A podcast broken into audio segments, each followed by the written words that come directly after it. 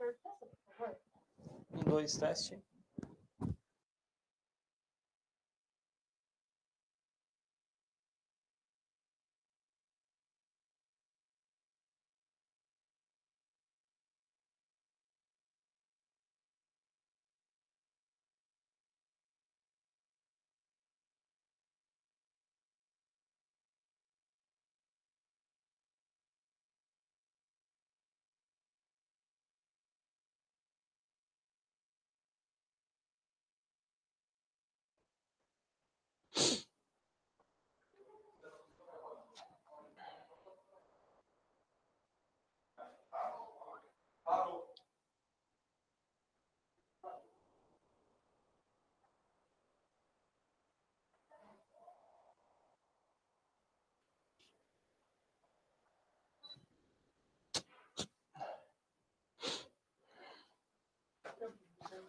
Abriu, né?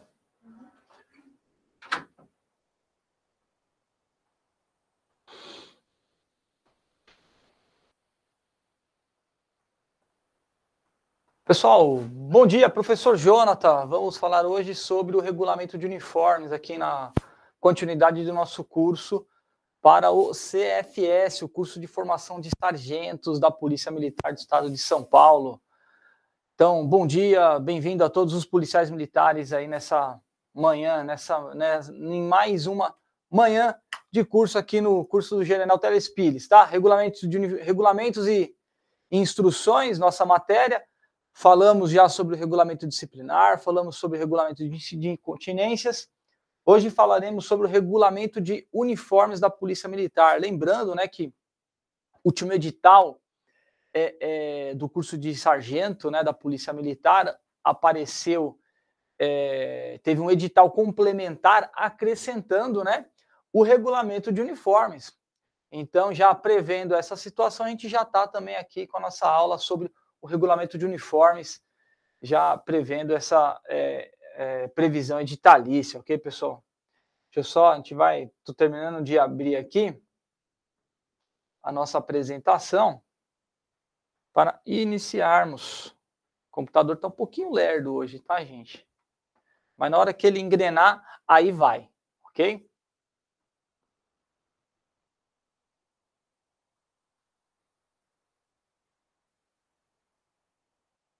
Vamos ver, tá indo, vai, não vai.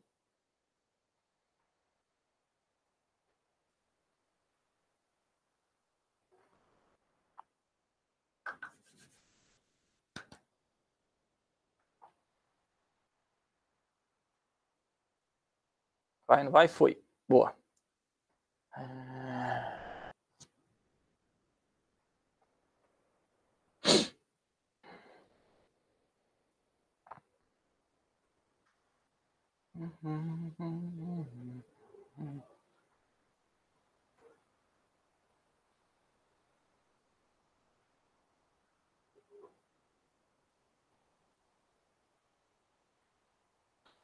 Galera, para quem está com a nossa apostila na mão aí, tá? É, vocês devem ter ela aí de forma digitalizada, né? É o caderno de SFS, professor Jonathan, né? Tem aí o regulamento de uniforme. Ele possui, salvo engano, 12 capítulos, 13 capítulos, né? São 13 capítulos no total regulamento de uniforme. O último capítulo lá fala sobre as disposições gerais, né? O principal capítulo aí do regulamento de uniformes é quando vai tratar de, de fato do uniforme, né? Que ele trata do uso, né? De condecorações, de, é, é, de uso de cobertura, de várias disposições aí, né? Mas tem o nosso capítulo principal, que é o capítulo que vai tratar dos uniformes, é onde a gente vai perder a nossa é, é maior tempo, onde a gente vai dedicar especial atenção, ok? Para que se caia alguma matéria relacionada ao uso né, de, de composição do uniforme, é ali que a gente precisa mais estar preparado, preparados, ok? Eu estou tentando abrir aqui, deixar no jeito aqui o nosso. Bom, tá abrindo aqui, ele vai vai abrir, ok? Então vamos aqui na nossa apresentação já. É, se alguém tiver com problema de áudio aí, não estiver chegando a nossa, o nosso áudio, por favor, aí manda uma mensagem, tá? Ou algo do tipo.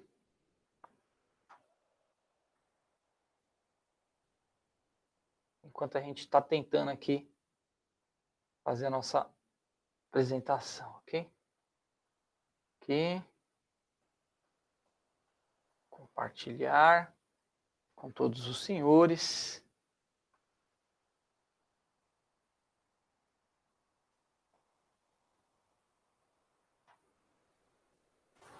Deve estar tá chegando aí.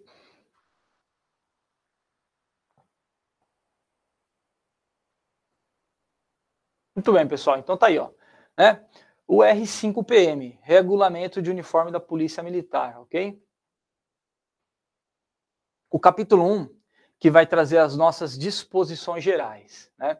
Já logo no parágrafo 2 ele fala, ó, o uniforme é o símbolo da autoridade e o seu uso correto é fator primordial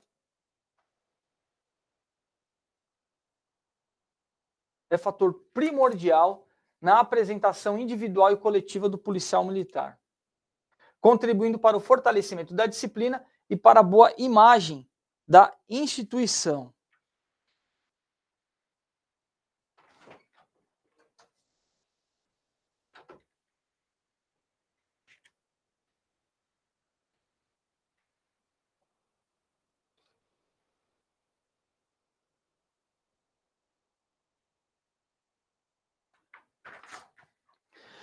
Então, quais são as informações que a gente precisa estar atento aqui, gente? É... A apresentação, o uso do, do, do, uniforme, ele fala duas situações aqui, ó. Que o seu uso correto é para sua apresentação. Tudo certo, não, tranquilo. Individual e coletiva. Então, a, o uso do uniforme, veja só, ele não vai, ele, ele, ele não é para apenas, ele não objetiva apenas identificar o policial militar de forma individualmente, tá, gente? Mas de forma coletiva, tá? Olha só, uma questão na prova nesse sentido, a gente precisa estar atento, tá? É para apresentação individual e coletiva, porque quando você tem. Não pode haver um regulamento de uniformes, por exemplo, e designar um uniforme diferente para cada policial militar, né? Por isso que o uniforme é padronizado para que todos sejam identificados de uma mesma forma, ó, ok? e contribui, a sua contribui para o fortalecimento, certamente, da imagem institucional. Né? Finalidade, finalidade dos uniformes. Qual é a principal? Caracterizar o PM, o policial militar, permitindo à primeira vista, primeiro, distinguir o exercício da missão constitucional de polícia ostensiva e segundo, de preservação da ordem pública, bem como seus postos e graduações, nos quadros e qualificações a que pertencem. Então, de novo, finalidade né, do uso do uniforme para o policial militar. Caracterizar o PM é, é, na, na, sua distinção do exercício de polícia ostensiva e ordem pública, ok? Então, o policial militar ele vai estar fardado porque ele não faz parte de polícia judiciária, ok? Ele faz parte da chamada polícia administrativa, polícia ostensiva, né? A polícia preventiva ou de repressão também imediata, ok? Que é a missão é, é, da polícia militar. E na sua missão constitucional de polícia ostensiva precisa estar caracterizado. Primeiro, a finalidade, a caracterização para identificar a sua ostensividade, a polícia ostensiva. A segunda, identificar os postos e graduações a que pertence, né? dentro do uniforme da, do, do, policial militar, a gente vai conseguir distinguir certamente o quadro que pertence, né? Se pertence para o quadro de praças, do quadro de oficiais, do quadro de é, é, habilitação, né? De auxiliar de, de, é, é de oficial, e também os seus postos, se é um soldado, se é um sargento, se é um capitão, ok? Então, duas finalidades. Caracterização do policial militar na sua missão constitucional de polícia ostensiva, polícia ostensiva e identificação dos seus postos, graduações e os seus quadros, né? Oficial, praça e os demais. Parágrafo 4 gente. Os uniformes estabelecidos neste regulamento são de uso exclusivo da Polícia Militar. Sem dúvida nenhuma, né? Não é, não se pode é, é, qualquer membro de qualquer outra instituição utilizar uniforme da Polícia Militar, seja ela Guarda Civil, Polícia Civil ou qualquer outro, né? Nem mesmo, né, é, é, é, por exemplo, na Força Nacional. Ah, o policial militar do Estado de São Paulo foi designado para atuar na Força Nacional.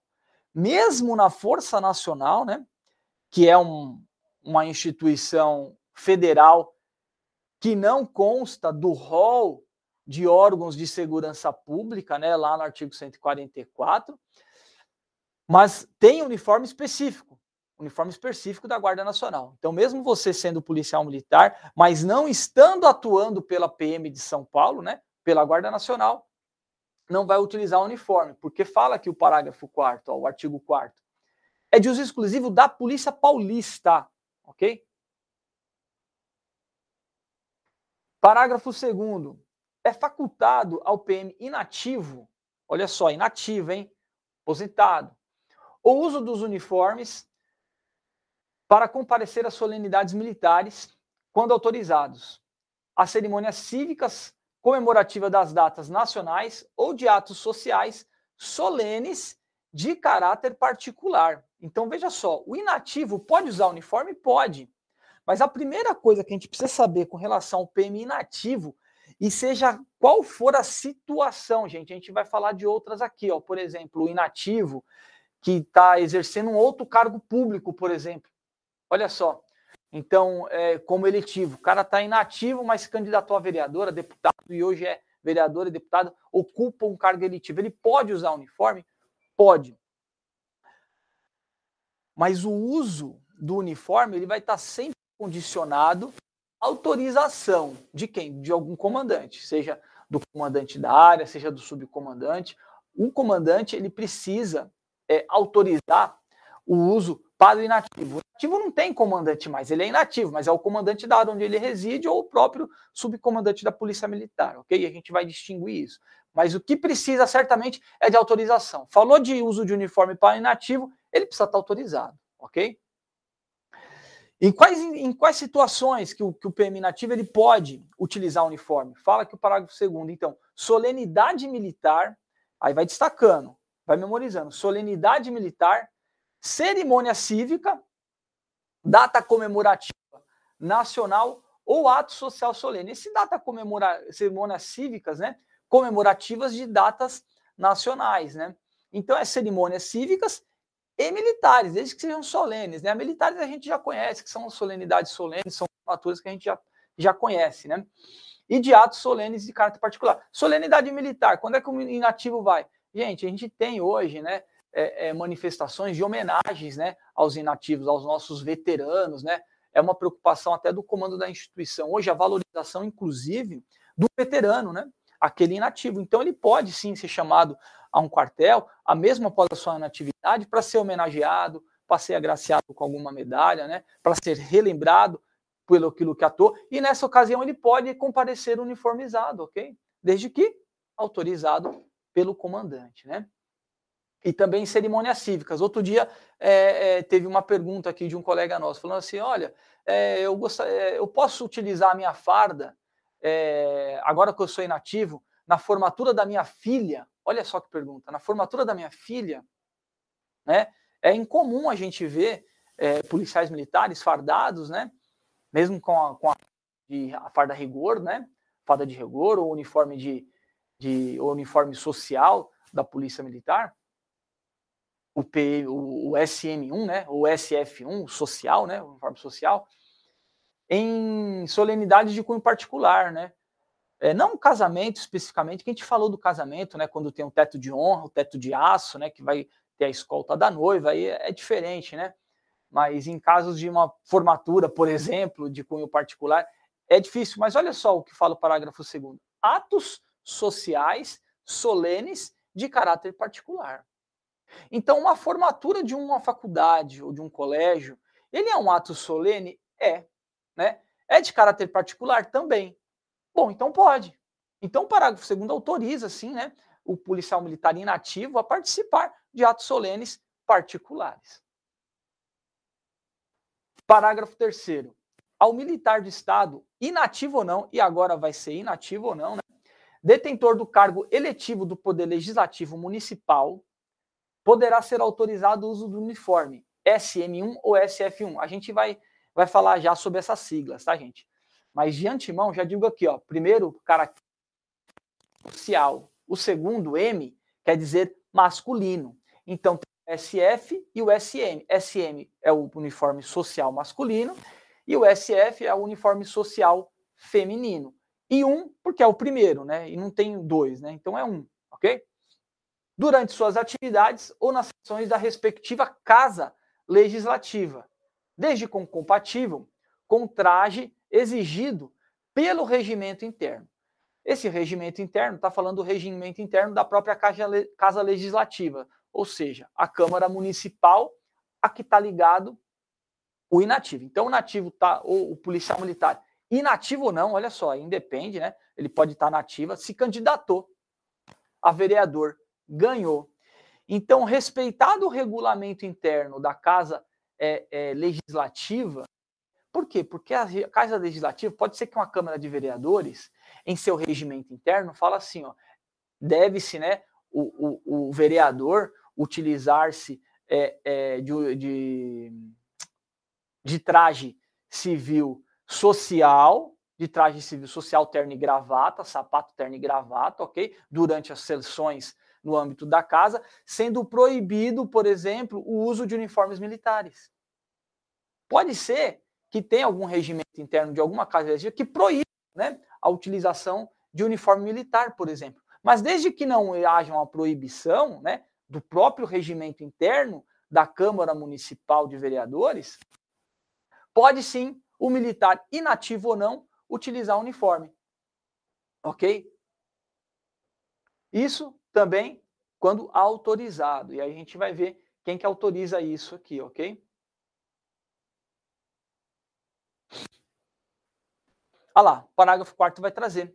A autorização é dada pela maior autoridade PM do local onde reside o interessado. Então, o PM, que é vereador, né, que se candidatou a vereador e se elegeu vereador, que é vereador, ele pode usar uniforme? Pode, desde que autorizado pelo comandante da área, da área onde ele reside. Então, o cara é, é, é vereador pelo município de Praia Grande. Pelo município de Praia Grande.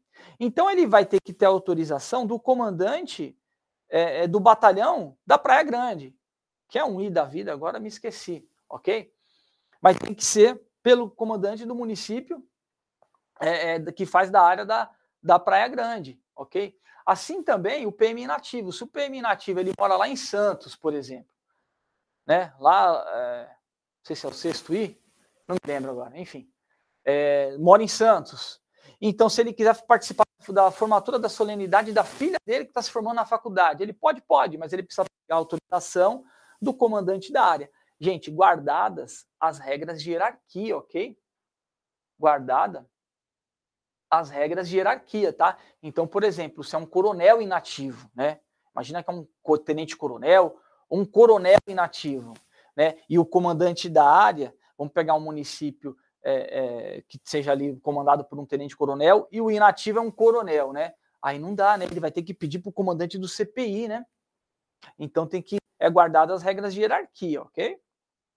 Agora, se é um, um tenente aposentado, um segundo tenente, no caso dos senhores aí no futuro é, é um pouco mais distante, um, um sargento da Polícia Militar aposentado, aí sim, né? Pode já o próprio comandante do batalhão da área vai autorizar, ok? Seja para verância, seja para o inativo em qualquer circunstância, ok? Agora, se for o cargo eletivo na esfera estadual ou federal, mudou de figura. Olha o parágrafo 5 no caso de cargo eletivo do Poder Legislativo estadual e federal, quais são os cargos eletivos do Poder Legislativo estadual e federal?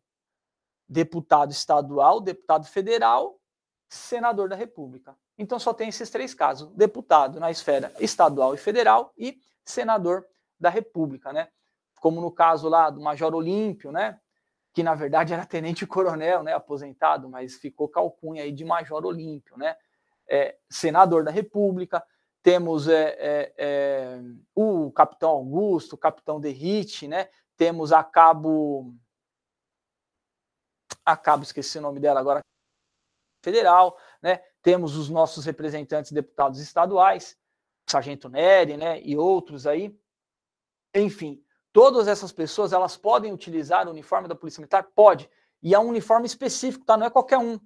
Não pode usar o B1, que é o antigo B4, aqui o nosso uniforme operacional, tá ok? E nem o PM1, que é esse uniforme de passeio, não. Só pode usar, e nem o de gala, nem aqueles uniformes a rigor, o branco, azul, não. Tem que usar o SF ou SM1, né? Que é o uniforme social, que é o correspondente ao terno do civil. O terno, né? O terno do civil. Qual é o correspondente na Polícia Militar? O social, porque é um uniforme social, ok? Que é esse SM1. E por que social? E por que SM1? S do que? De social. Né? Os senhores não vão poder errar isso na prova também, ok? Se pedir lá, fazendo referência ao SM ou SF, é o uniforme social, ok? Aquele que vai com, com o jaleco, com a gravata é, é, vertical, ok? Que a gente já conhece. Quando praça vai lá as divisas, né? De soldado de cabo de sargento no braço e de oficial as estrelas vêm no ombro, né? É, então, essa autorização, para quem ocupa a carga eletiva, poder legislativo, subcomandante PM. Então, não vai ser mais o comandante da área, né? Então, o sargento Nery, né? A cabo. Puxa vida, esqueci o nome da cabo agora. Mas o capitão Derrite, capitão Augusto, ou o major Olímpio, né? Falecido, né? Major Olímpio. Se quisessem utilizar, né? O uniforme é, é, a farda da Polícia Militar, tem que ter autorização de quem? Do subcomandante da Polícia Militar. Né? Capitão Augusto, mas é, é, utilizava muito, né? E a nossa cabo também, representante lá do, da, da hoje, é, Sua Excelência, deputada federal, ok? Ela também utilizou da, sua farda algumas vezes, né? Autorizada pelo subcomandante, ok? E com relação, bom, professor, o senhor está falando aqui é, é, com relação aqui a, a cargo eletivo, sempre na esfera legislativa, né? Vereador, deputados, senadores, e cargo eletivo na esfera executiva, vereador, aliás, vereador não, né? Prefeito, governador e presidente da República, se tiver algum policial militar eleito. E aí, ele pode usar farda ou não? Né? Interessante, né? Mas a gente não tem essa previsão do, da, a gente não tem essa previsão aqui expressa é, no R5. Bom, primeiro que o presidente, se algum policial militar foi eleito presidente da República, ele vai extrapolar a esfera estadual, né? E a autorização para os uniformes é dentro da esfera estadual. Assim como se algum policial militar do estado de São Paulo, inativo ou não, se for eleito governador de outro estado, né? Está fora da esfera estadual, está fora da, da, da, da esfera de competência. Então não há que se falar nisso. E prefeito poderia, né? Mas também não tem essa previsão, ok? É, PM, olha lá, cargo eletivo, da ativa ou não. Então o vereador, o vereador é o comandante da área onde ele reside, e se deputado ou senador é o subcomandante PM, então, que autoriza. Tá bem claro isso, né, pessoal? Tranquilo. E ao comandante-geral compete, né? Vai lá falar o parágrafo, o artigo 6 né? O comandante-geral da Polícia Militar do Estado de São Paulo compete. Compete o quê? A criação, modificação ou extinção de uniformes. Quais uniformes? Todos, né? Ele vai citar aqui, né, gente? Uniformes formais, especiais, administrativos, operacionais, qualquer que seja o uniforme, se for criar, modificar ou extinguir, Gente, não é competência do governador de estado, tá? Não é do governador, não é do comandante do batalhão, por óbvio, nem do subcomandante, comandante geral. Criou o uniforme, ah, mudou o uniforme agora, né? Não é mais aquela camisa cinza clara, agora vai ser a cinza bandeirante. Ó, não é mais é, cinto de couro, agora é cinto de nylon. Ó, mudou agora o coldre é, é, da, da pistola. Sempre que quem faz alteração, modificação ou extinção de uniforme é o comandante-geral da PM. A fiscalização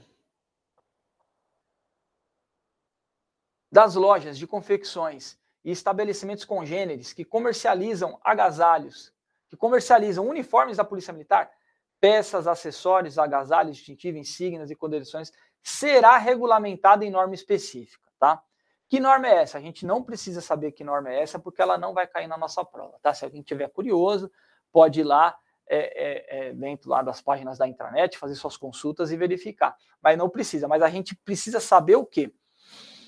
Que para fiscalização de loja, tem loja que vende é, é, é, farda, peça, acessório, insígnia? Tem, né? A gente compra, né? Aquelas que a PM não não nos fornece, a gente precisa correr atrás para comprar, como a mais famigerada delas, né? A AGA, né?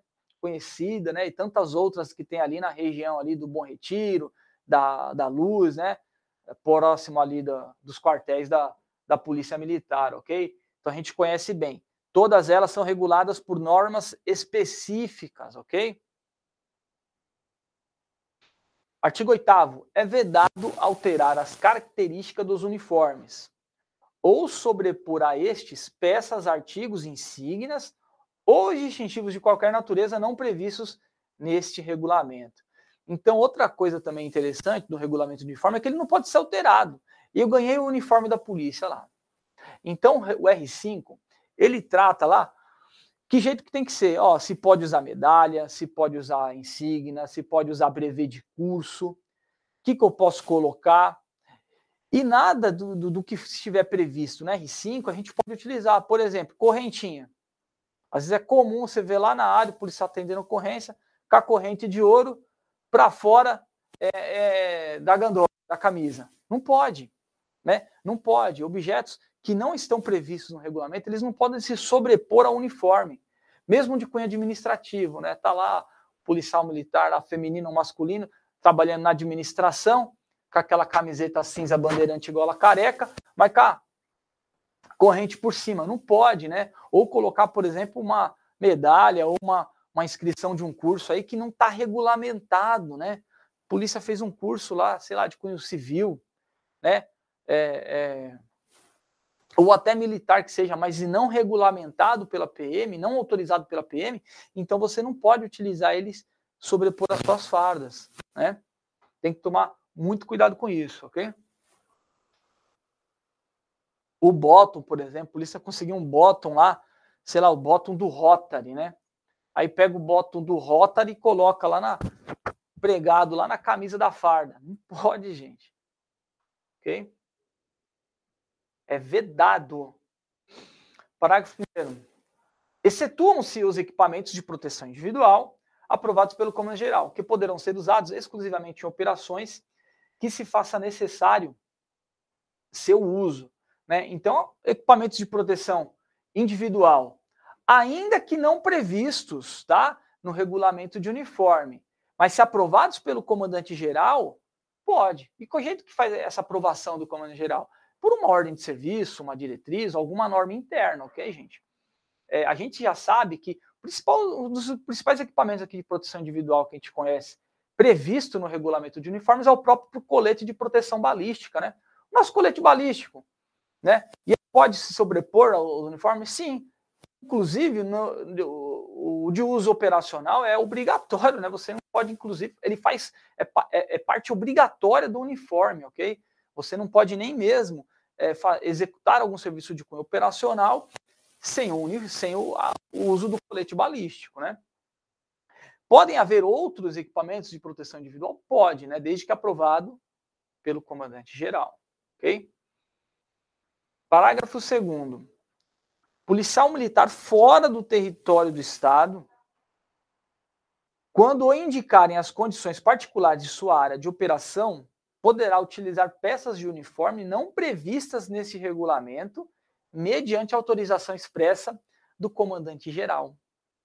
Então, olha que interessante, gente. O policial militar só tem que estar fora. Quando é que, que situação que o policial militar pode estar fora do território do Estado?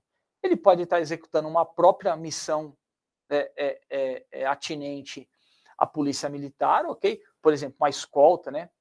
Uma escolta, o policial militar está levando, é, é, escoltando um preso para outro estado, né? o que já aconteceu aí, nesse caso, é, é, poderá utilizar peças não previstas? Pode. Mas tudo, gente, tudo que pode com relação ao uniforme tem que estar o quê? Autorização do comandante geral, né? E aí, nesse caso aqui, é autorização diferente, né? Por exemplo, curso. O policial militar quer fazer um curso é, em outro estado ou até em outro país, olha só. Acontece, policial militar fazer curso em outro estado ou até em outro país. Cursos dentro da área de segurança, né? Cursos dentro da área da segurança pública que vão é, é, ser utilizados esses conhecimentos é, em prol da sociedade, no âmbito da polícia militar. Por vezes, ele vai precisar de usar equipamentos, né? É, é equipamentos ou objetos que não estão previstos, né? Que não há previsão dentro dos nossos regulamentos internos. E vão acabar, vão acabar se sobrepor o próprio uniforme, né? Da polícia militar. Vai poder utilizar? Pode, né? Solicita lá a autorização para o comandante geral, explica o porquê vai precisar e o comandante geral autoriza e aí está autorizado. Desde que fora do território do Estado. E quando fala fora do território do Estado, não é dentro do território brasileiro, é saiu do estado de São Paulo. Pode ser em outro estado brasileiro, como em outro país, ok? Então, se cair uma questão nesse sentido aqui, o cara no estrangeiro pode também, tá?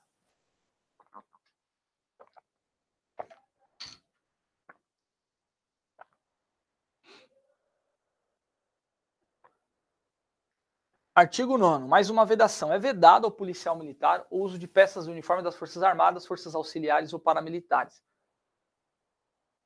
Bom, chovendo molhado, né? A gente já disse que, que é, uso de uniforme é proibido qualquer tipo de, de utilização é, por sobrepor ele, né? Qualquer peça não pode. E também a gente não pode, e como o uso da, do uniforme da PM é exclusivo da também das a gente não pode utilizar, né, gente? Sem dúvida, e nem de outras polícias militares e nem de organizações paramilitares, menos ainda, né? Menos ainda. Professor, mas é desfile de 9 de julho ou 7 de setembro, né? Aparecem lá policiais militares que eu sei que são policiais militares e estão lá trajando lá uns uniformes, parece de cunho paramilitar, sei lá, calça camuflada é, marrom, com uma camisa preta, com uma boina cor de abóbora. Gente, por vezes, às vezes é militar inativo, né? O militar inativo, ele está ali uniformizado, é, civilmente trajado, ok? E se é inativo, inclusive não está em situação de serviço. Ou o cara da ativa que está de folga, né? Na folga dele, ele utiliza uniforme, é, a, a, a, vestimenta que ele se de bem prover, né? Salvo outras vedações, né? Mas aqui estamos falando aqui assunto de serviço, né? Certamente, ok?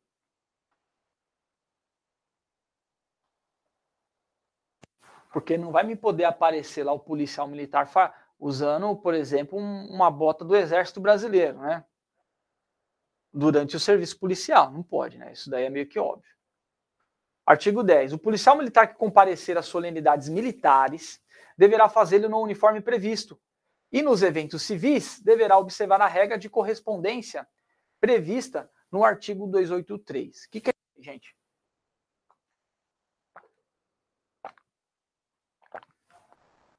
Veja só, solenidade militar vai utilizar, o policial militar vai usar o uniforme previsto. Que uniforme previsto é esse daí? O próprio é, comandante que vai estar ali à frente, né, que está organizando é, é, é, a solenidade militar, que seja no âmbito da sua OPM, da sua unidade, vai dizer que uniforme que é a solenidade de valorização do policial militar. Ó, uniforme B1, né, que é o nosso uniforme operacional, ou então, ó, formatura de, do curso do CFS, do curso de formação de sargento. Qual que é o uniforme? É o uniforme de passeio. É o uniforme de passeio. Não é o passeio completo. O passeio completo também é o chamado social, que a gente já falou, que é o S, né? SM ou SF. Não, pode ser o passeio, que é aquele camisa cinza clara, né? Sapatinho, cap. Vai dizer qual uniforme que vai ser utilizado. E nos eventos civis, deverá observar a regra de correspondência. Então, vou no evento civil, citei lá a formatura, lá o sargento, lá que tem a filha dele que vai se formar na faculdade, né? Qual o uniforme que vai ser exigido nessa formatura? É o terno. O terno? É, o terno. O terno social, social completo, ok?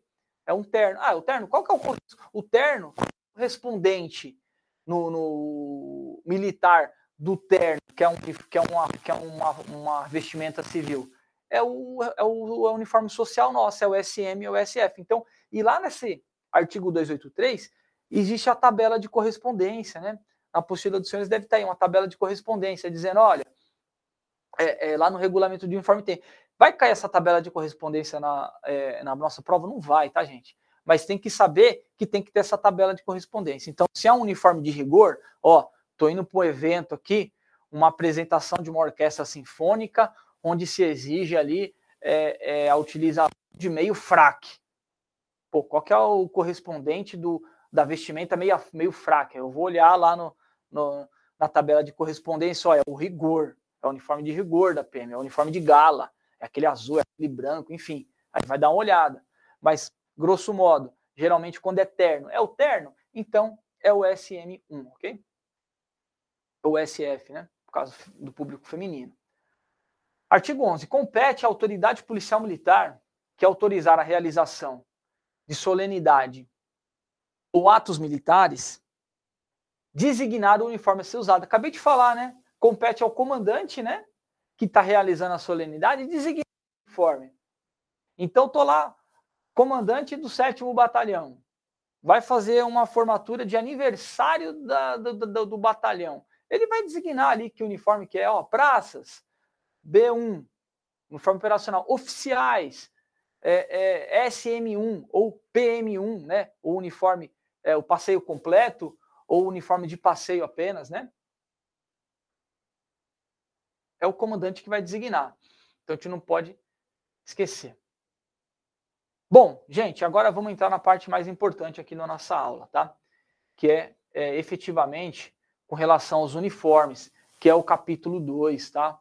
capítulo 2 aí do, do, do, regulamento de uniformes. Então vai falar, os, uniformes, os uniformes poderão ser, já adiantei aqui, né? Mas vamos de novo aqui, ó.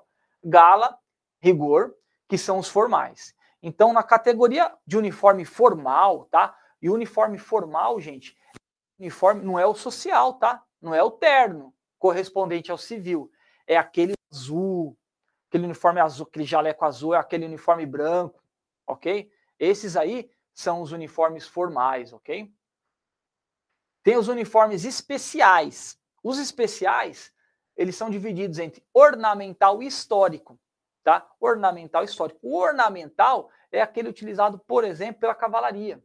Quem já foi aqui num casamento militar, onde é a participação dos lanceiros, né? Do efetivo da cavalaria. Vem lá, né? Os, os, os membros da cavalaria, né? Com aquele uniforme parecendo um cavaleiro medieval, ok? É um uniforme ornamental. E por que ornamental? Porque ele só serve para isso. É um uniforme usado apenas para participação de solenidades, tá, gente? De, de é, eles são de formas ornamentais, ele não tem um cunho operacional, ok? É simplesmente para ornamentar, para abrilhantar uma solenidade. Pode ser uma solenidade matrimonial, né, de cunho civil, obviamente, uma solenidade de formatura, por exemplo, de passagem do comandante geral, ou uma passagem de comando de algum batalhão, de, alguma, de algum CPA, CPI, ok? Ornamental. E o histórico, bom, o próprio nome já diz, né? São os uniformes históricos, né? Utilizados pela Polícia Militar. Uniformes que não estão, né? Que não são mais regulados hoje para você utilizar na sua atividade é, operacional do dia a dia, mas são uniformes históricos que também são utilizados para o quê? Para fins de solenidades, né? 9 de julho, né? O mais comum, 9 de julho, desfile de 9 de julho, desfile de 7 de setembro. Olha, faz lá um pelotão, né? E, e, e coloca ali um uniforme histórico, né? Por exemplo, um uniforme da, utilizado na Revolução Constitucionalista de 32, né? Geralmente isso fica é, no âmbito da própria Academia do Barro Branco, né? Lá na Academia do Barro Branco, na, no dia da forma, do, da, no dia 9 de comemoração de 9 de julho, tem um pelotão de alunos que vão utilizar né, para o desfile, para o desfile cívico de 9 de julho, o uniforme histórico utilizado na Revolução de 1932, a nossa Revolução Constitucionalista. Então é isso o uniforme histórico, ok? E aí tem os uniformes administrativos, né? que, tal qual os uniformes especiais e os uniformes formais, também não são de cunho operacional. Vocês não vão utilizar os uniformes administrativos para exercer atividade operacional. Não efetivamente, né? Eventualmente pode acontecer, né? Mas não efetivamente. Administrativo, porque você vai usar o quê? Nas funções administrativas. E quais são eles? O social e o passeio. Esse uniforme social, gente, ele é também chamado passeio completo, tá? Então, ó, esses uniformes administrativos, né, que a gente vai colocar aqui, ó, é o social, né? Social e o passeio. E o passeio, né? Quem que é esse social? Também pode ser o passeio completo, né? Então não vou nem colocar aqui para a gente não confundir, mas a gente sabe, passeio, quando fala passeio completo, é o social, que a gente já falou lá, que é o correspondente, que é o terno, né? Isso daqui é o terno. É o terno, que é o correspondente civil, tá? O correspondente civil, ok? E esse social é o que a gente chama do SM, né? S é o SM1, né? Ou o SF1. E o passeio, qual que é o passeio? Olha só, social começa com S. E o passeio começa com P. PM1. Então, se é o PM1, é o uniforme passeio completo. E o uniforme PF1, passeio feminino 1. E a gente vai estudar ele mais pormenoradamente, né? Esses aqui é o que é, esses PF, o uniforme passeio, geralmente aqueles uniformes, né? A gente já adiantou aqui, calça de tergal, né? Calça cinza bandeirante, calça cinza bandeirante, que é aquele cinza mais escuro, tá, gente? E a camisa cinza claro, que é o cinza mais claro. Então a gente tem duas tonalidades de cinza. Isso é importante a gente esclarecer agora, tá? Porque sempre quando a gente fala de, de, de cor de uniforme na Polícia Militar, qual é a nossa cor principal do uniforme da Polícia Militar? O cinza. Tem duas tonalidades. O cinza escuro, que a gente chama de cinza bandeirante. Então, quando a gente fala cinza, cinza bandeirante, é aquele cinza escuro. É o do nosso uniforme operacional do dia a dia, para quem está em CPA e em CPI. Ok? E o cinza claro, cinza claro somente para camisa, né? Camisa utilizada, por exemplo, pelo efetivo do batalhão de trânsito, né? Batalhão de trânsito não tem aquela camisa cinza claro, diferente, que é do antigo uniforme da Polícia Militar, né? Operacional. Então, agora é o cinza claro. Então, esse daqui, ó, é a camisa, o passeio é aquela camisa cinza claro, a calça cinza bandeirante, sapato, sapatinho e casquete ou cap que é aqueles uniformes que o pessoal usa em unidades administrativas, né? Por vezes você vai encontrar esse pessoal utilizando em CPA, né? No âmbito do CPA, no âmbito do CPI, de forma interna, né? Ou é, nos unidades lá, diretoria de pessoal, diretoria de finanças, dire... DPCDH, diretoria de polícia comunitária de direitos humanos, lá no comando geral, né? Nas sessões do Estado Maior, ok? Então você encontra esses tipos de uniforme aí nas unidades administrativas, tá? Nas unidades de apoio, ok? Unidades de ensino, eles utilizam muito esse uniforme chamado uniforme passeio, né? Que é uniforme administrativo, tá, gente? E tem os uniformes básicos. E aí, os uniformes básicos, é, é, básicos operacionais. Então, operacionais básicos, tá? Operacionais básicos. Policiamento motorizado quatro rodas, e atividades com moto. Então, o uniforme operacional básico tem o de quatro rodas e duas rodas, né? Policiamento montado, né? Policiamento a cavalo, controle de distúrbios civis, policiamento a pé no litoral, com bicicleta e quadriciclo. Você vê que esse, quando a gente está falando aqui, ó, nessa linha D, tá? Do inciso 4, uniforme operacional, policiamento a pé no litoral, com bicicleta ou com quadriciclo é tudo um uniforme só. Que é aquele uniforme que a gente vai ver, que é o quê? Bermudinha. Que é aquele uniforme que o policial vai usar a camisa polo, né? Não sei se é camisa polo ou gola careca, a gente vai ver mais à frente. Bermuda e tênis, né? Bermuda ou tênis ou bota, né? E aqui também, ó, quando a gente fala policiamento motorizado, quatro rodas e atividades com moto, é o mesmo uniforme também. Ah, mas vai mudar a bota, mas a bota é uniforme complementar, a gente vai ver, ok? Então, os uniformes operacionais básicos é aqueles uniformes de cunho operacional. Pode ser tanto para o operacional, para o serviço convencional, né? Que é o QRP, policiamento comunitário, força tática, é, é, escolar, como o pessoal do choque também, policiamento de choque, primeiro de choque, segundo de choque, terceiro de choque, policiamento ambiental, policiamento é, de trânsito, policiamento rodoviário, tudo isso é o, o, o que? Serão os uniformes, é, aliás, uniforme operacional mais específico, tá? Que é os específicos que a gente vai entrar agora, tá? Desculpa, retificação aqui. Tem os uniformes operacionais básicos e os específicos. Específicos, aí sim vai entrar esse pessoal do choque, do CPTRAN, Corpo de Bombeiros, inclusive. Então fala lá, uniforme específico policiamento rodoviário, policiamento de trânsito, corpo de bombeiro, policiamento de choque, policiamento ambiental, rádio patrulhamento aéreo, né, agora do comando de aviação, né, o, o não foi aqui é, atualizado, né, Escola de Educação Física também tem uniforme específico, ok? Pessoal do quadro de saúde, olha só, quadro de saúde operacional não é, né? mas é um uniforme específico, ok? Gestante, presídio militar Romão Gomes. Então, nesses uniformes específicos, gente, o que acontece? Tem o pessoal dos uniformes específicos que é de cunho operacional e tem o pessoal que é de cunho administrativo. Então, dentro dos uniformes específicos, você tem uniformes operacionais e administrativos, mas não confundir com os uniformes operacionais básicos que aí sim, os uniformes operacionais básicos é realmente mais ligado ao policiamento é, é, de área, ok? O policiamento de cunho territorial. Tem o uniforme de treinamento físico, que a gente vai falar, serviços gerais e, inclusive, os uniformes de alunos, né? De alunos oficial PM e alunos do quadro de, do quadro do quadro de habilitação, né, para o quadro de oficiais, né, que é o chamado vulgarmente chamado né, de chacal antigamente, hoje em dia mais conhecido como CH, né? CH, por que CH? Porque é curso de habilitação, ok, gente? Esse H aqui, ó, habilitação. Então, aluno oficial PM, que é o que entra para fazer o CFO, curso de formação de oficiais, e os alunos CH, que é o quadro de habilitação para o quadro auxiliar de oficiais da Polícia Militar.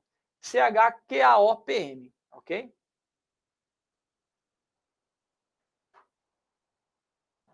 E aqui, ó, é, no artigo 18, ele vai trazer para a gente um código alfanumérico. E agora, importantíssima essa parte aqui, gente, para a gente aprender como é que a gente vai identificar os uniformes. E agora a gente vai aprender isso aqui, não vai esquecer mais, ok?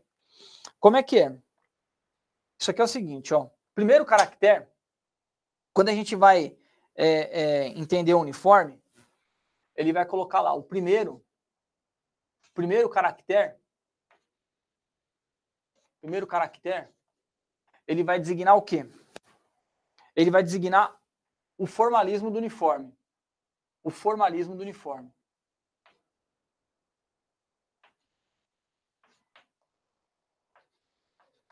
O formalismo do uniforme. Por exemplo, é, você tem. O primeiro caractere vai indicar o formalismo. Espera aí, deixa eu fazer o seguinte aqui, gente. Não vai dar certo aqui, não.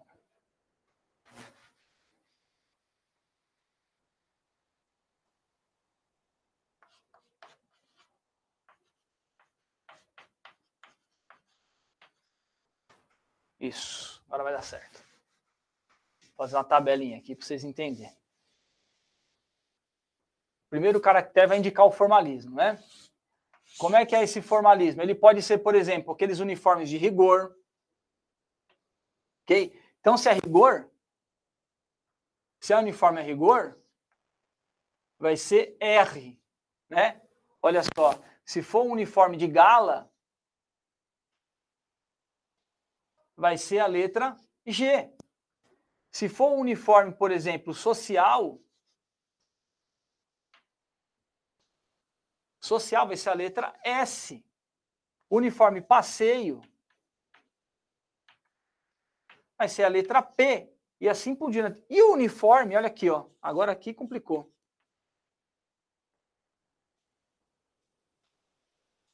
Operacional básico, que é o nosso arroz com feijão, vai ser a letra B.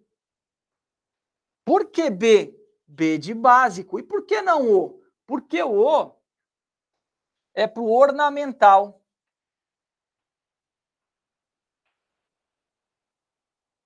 Então, quando designar uniforme OM1, OF1 ou O1, vai ser ornamental. Então, o uniforme operacional, gente, nosso, começa com B. Porque B de básico, ok? A gente vai pegar aqui ó, o segundo caractere.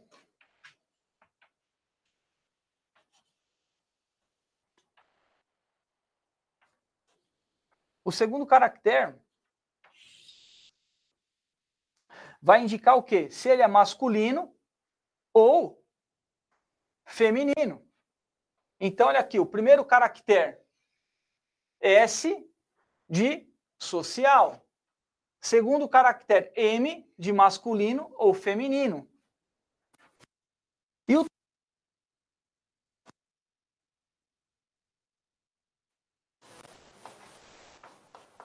vai indicar o número.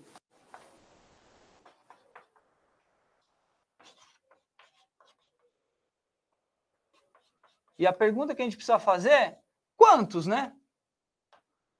Quantos uniformes existem, né? Quantos uniformes? Um, dois, né? E assim por diante. E assim por diante. Então, esse daqui é o SM1, né? Tem um uniforme operacional, por exemplo, né? O operacional básico, a gente tem é, o operacional básico 1. B1. Ué, mas e se ele for masculino ou feminino? Não tem, porque o uniforme B1, ele é unissex.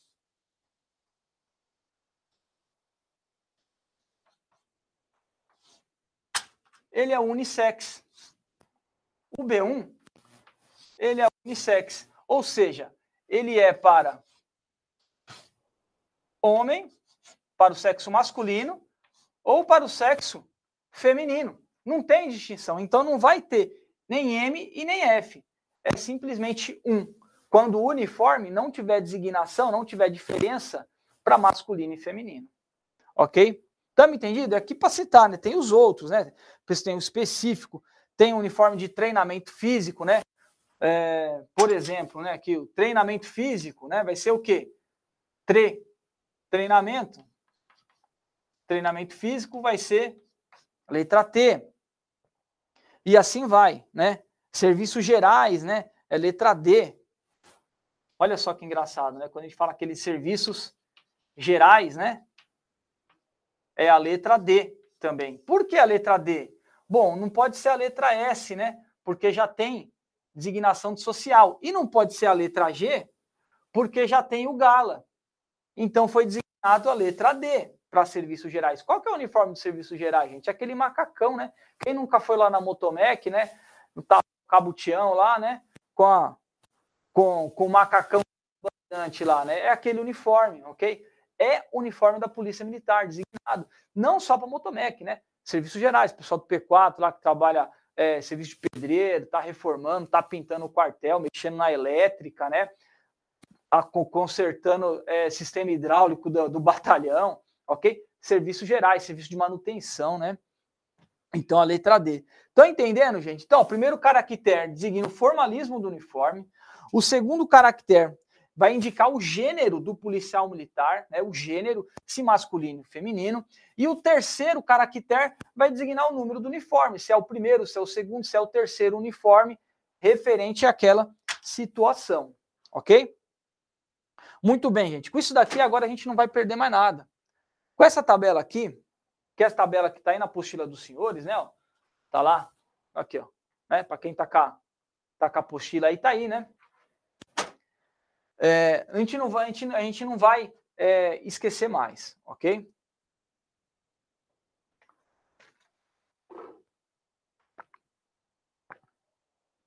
Olha lá, Quando a composição do uniforme permitir seu uso tanto por homens quanto por mulheres, uniflex, o segundo caractere não será indicado. O exemplo, né, é o nosso uniforme operacional básico B1, que é o antigo B4.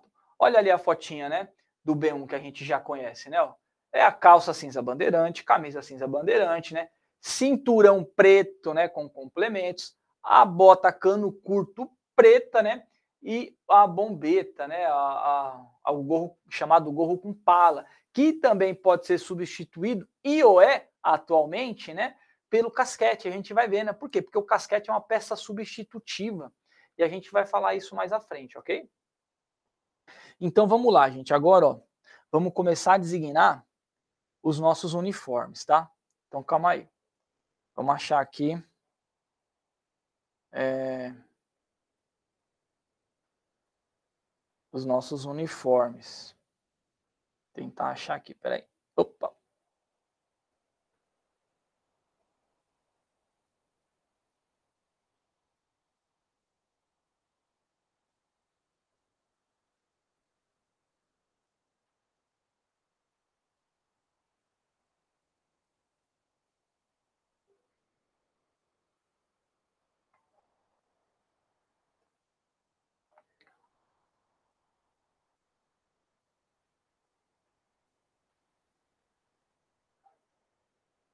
Só um minutinho. O computador hoje aqui ele tá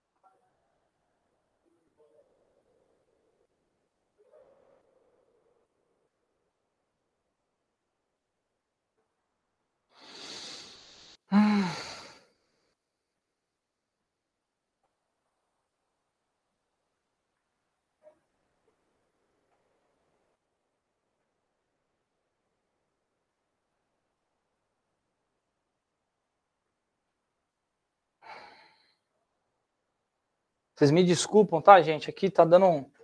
O computador, ele tá muito ruim hoje. Eu tô tentando fazer a nossa apresentação aqui é, com relação aqui ao uso de uniforme, tá? Mas é rápido, só mais um minutinho. A gente já consegue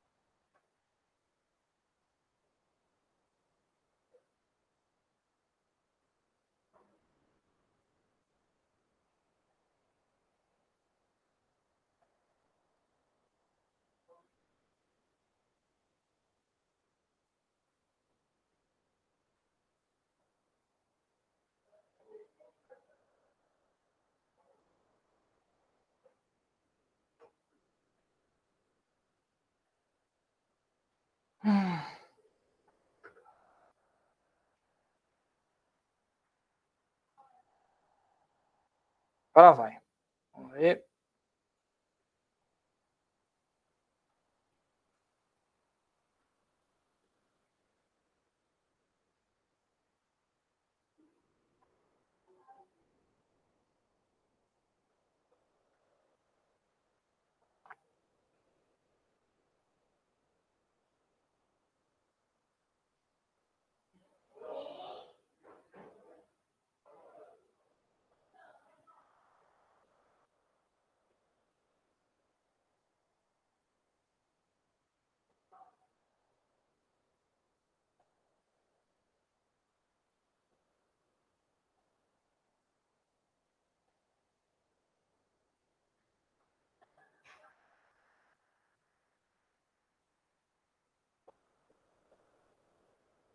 Opa, foi aí, né? Agora sim, gente, ó. Então aqui, ó. Tá o nosso regulamento de uniforme, tá? Então vamos acompanhar lá, ó. Ele vai começar agora a falar da composição, da posse e do uso dos uniformes, tá, gente? Vou tentar aumentar aqui um pouquinho. Não aumentou muito. Aqui, né? E o primeiro uniforme, né? Ele começa, o regulamento de uniforme, ele começa a tratar o regulamento de uniforme do mais, é, é, do mais com, com mais rigor, né? De maior formalismo para o menor formalismo. Então ele vai começar daqueles mais formais, de gala, de rigor, vai passando pelos uniformes administrativos, operacionais, até o de serviços gerais, por exemplo, que é o menos que é com menos formalismo, ok? Uniforme de educação física, por exemplo. Então, assim, e já caiu em outro, com outros concursos aí da, da Polícia Militar, inclusive uniformes aí de rigor, de gala, né? Então a gente não pode duvidar, por isso que é bom a gente dar uma olhada também, tá? Mas não muito, não, não de forma muito demorada. Então, o principal uniforme, né, o uniforme mais o, o uniforme mais de maior rigor é o de gala, né? É o uniforme de gala, né? Que é esse uniforme aqui, ó, né? É o azul, né? Túnica branca ou azul com calça azul, né? Calça que a gente chama azul ferrete, né? Olha lá, que é o GM1, né? Ou GF1. Olha lá, ele tem o cap branco, calça azul, túnica azul ou túnica branca, ok? Sua posse é obrigatória, né? É, é, é, para o comandante geral e aí a posse, né? Quem que tem que, quem que pode usar? Sempre que a gente for discutir os uniformes agora, a gente vai falar quem que usa, qual que é a sua posse, quem que usa oficial, praça, em que situação é obrigatória, facultativa e os seus complementos. Esse daqui é mais ligado à posse, né? E ele fala o seguinte, né? É obrigatório para quem? Comandante geral, subcomandante, oficiais da Casa Militar, né, que trabalham lá no Palácio dos Bandeirantes, né, que compõe a Casa Militar, diretor de ensino e cultura, Oficiais da Academia do Barro Branco, então não são todos oficiais, olha só. De posse obrigatória, ah, todo oficial tem que ter seu uniforme? Não. Não de forma obrigatória, né? De forma obrigatória para os oficiais da Academia do Barro Branco, além do comandante geral, subcomandante, é, diretor de ensino e cultura, assessorias militares, então o cara que está lá na assessoria é, é, assessoria da, é, é da Assembleia Legislativa, da Câmara Municipal, então, esses, pessoas, esses oficiais que, que trabalham é, é, em assessorias também. E facultativo para os demais oficiais. Então, oficial que trabalha em batalhão diário, oficial que trabalha em batalhão de choque, batalhão ambiental, ou uma unidade administrativa que não as designadas aqui nesse parágrafo primeiro, é facultativo, tá, gente? Muito bem. E aí, a composição, né? A gente já falou aqui sobre casaca azul ferrete, calça azul ferrete, cap branco, Olha só a cor do cap, tá, gente? Cap branco, peça complementar do seu uniforme, luva, espada, o fiel é dourado, lembra? Ah, professor, mas eu já vi aqui oficial usar, né? Quando utiliza o espada, aquele fiel preto. O fiel preto, gente, é para aquelas situações é, é, é quando está com uniforme operacional básico, por exemplo, tá? Tem cor de fiel, esse aqui é um fiel dourado, né? Até porque ele tem tem é, é, detalhes em dourado, né? Ó. Veja só, detalhes em dourado, ok? Muito bem. E aqui é o correspondente feminino. Ó. Olha só, qual a diferença aqui do uniforme de gala masculino para o feminino aqui, é, guardado a, a, a, guardada aqui, né, gente, a questão do corte e costura, né? Costura é diferente. Mas tem a saia, tá vendo? Ó?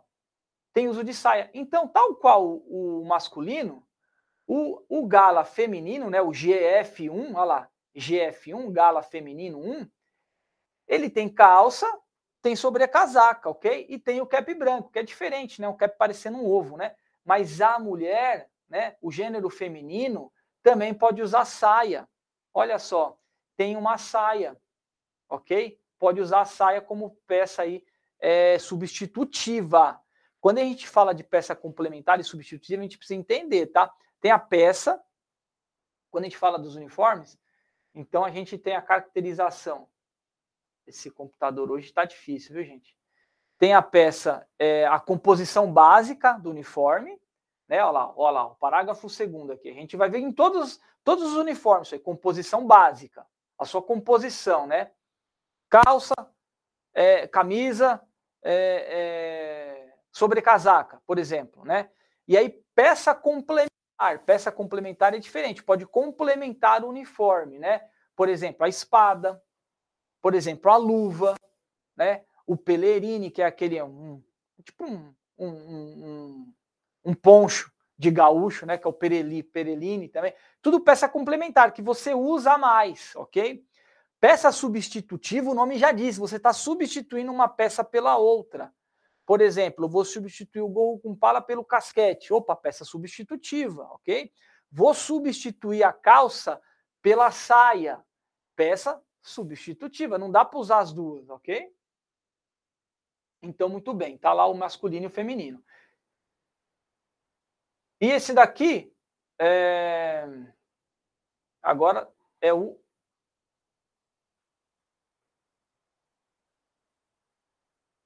o gala feminino, ok?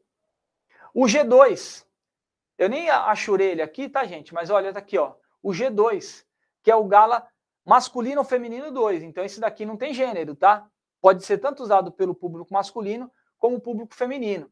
Esse aqui mais usado em formatura lá. É o gala também, né? Sobre casaca azul ou branca, calça azul ferrete. Mas o casquete agora, agora não tem mais cap, né? Agora é a barretina, que é esse capacete quadrado aqui, ó, com penacho na cabeça, tá? Capacete quadrado, penacho na cabeça. Quem que usa esse uniforme só, gente? O pessoal da Academia do Barro Branco. O pessoal da Academia do Barro Branco. É obrigatório? É, né? Quem? Oficiais, oficiais e em praça.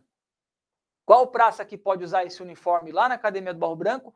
O corneteiro. Olha lá, parágrafo primeiro. Só pode ser para oficiais do Barro Branco, da Academia do Barro Branco, e para a praça na função de corneteiro. Sem mais, tá, gente? Passou. Já entendemos isso aqui muito bem. Uniforme rigor. Uniforme de rigor. Olha o uniforme de rigor. Professor, mas esse daí não está parecendo um uniforme. É, o social. O uniforme social e o uniforme é, de rigor eles são parecidos, tá, gente? Eu vou pagar aqui para escrever direito. Então começa aqui, ó, na ordem, né? O gala, né, é o mais rigoroso, ok? É o de gala e depois vem o de rigor, né? O de rigor. Esses uniformes aqui, gente, que na maioria das vezes né, é utilizado por oficiais, é permitido a praça também, a depender da situação, ok? Eles são parecidos, tanto um quanto o outro é calça cinza bandeirante e, e túnica cinza bandeirante. Tanto um, tanto o social quanto de rigor é calça cinza bandeirante e túnica cinza bandeirante, ok? O que, que vai distinguir eles? A gente vai ver que é cor da gravata, e cor da platina. Cor da gravata, cor da platina e cor da camisa, tá? A gente vai ver. Olha aqui, ó. Nesse aqui, ó. Olha aqui o desenho dele. A camisa é branca. Esse daqui, ó, uniforme de rigor, a camisa é branca. No uniforme social, a gente vai ver que a camisa que usa por baixo da tônica é que cor cinza. É um cinza claro. Então, camisa. A gravata, olha aqui a gravata desse aqui gravata horizontal, né? Gravata borboleta e gravata vertical, gravata normal de terno. Azul, azul ferrete. É a gravata azul ferrete. E a platina. Olha lá, a platina, onde vai ser colocadas as estrelas, né? De oficiais, ou lá a insígnia do, do subtenente, né? Subtenente Colomem coloca aqui na platina, né? A insígnia dele, que é um de, de metal em forma de triângulo, né? E quando é praça, não vai nada, só vai a sem nada e as divisas vêm aonde? Vem aqui no braço, ok? Então tem essa diferença, tá, gente? Então é a mesma, túnica cinza, calça cinza, túnica cinza. Vai mudar o quê? Cor da gravata, cor da camisa e da platina, tá? O resto é tudo igual, tá? É, então vamos lá. Aqui, ó, quem que pode usar esse uniforme? Esse uniforme de rigor, né? Que aqui, ó, é o RM1, vai ter o feminino, né? Sua posse será para oficiais e mediante autorização do comandante da organização policial militar, ou seja, da OPM, para as praças. Então, esse uniforme, gente, pode ser utilizado tanto por praça quanto por oficial. No caso do oficial, ele é obrigatório. Quando coloca aqui, a sua posse será para oficiais. Está vendo como que ele está determinando? Sua posse será para oficiais. E não coloca assim, ó, facultativo. Então, obrigatório. Qualquer oficial, seja que trabalha lá na Casa Militar, trabalha no Comando Geral, ou que trabalha lá no Batalhão de Área. Não importa. Todos os oficiais têm que ser obrig... é obrigado a ter esse uniforme, ok, gente? Então a posse é obrigatória para oficiais. E para a praça é facultativa. Por que é facultativa? Porque é mediante autorização do comandante da UPM. Então a praça ela pode usar esse uniforme? Pode, desde que o seu comandante autorize. Por exemplo, quer utilizar esse uniforme? Lá na formatura é, da sua filha, é, é, é, é quando você estiver inativo lá na, na, formatura da sua filha. Pode, pode. Quero casar, né? O policial militar, ó, quero casar fardado. Quero casar fardado, né? Minha namorada, minha noiva aqui vai, vai adorar. Ela faz questão que eu entre fardado lá no, lá no, no casamento. Ela, aliás, ela casou comigo porque eu sou militar, porque eu sou PM, agora não vou me casar fardado. Vou casar fardado, sim. Pode usar o seu uniforme? Pode. Pode usar o rigor para casar, ok?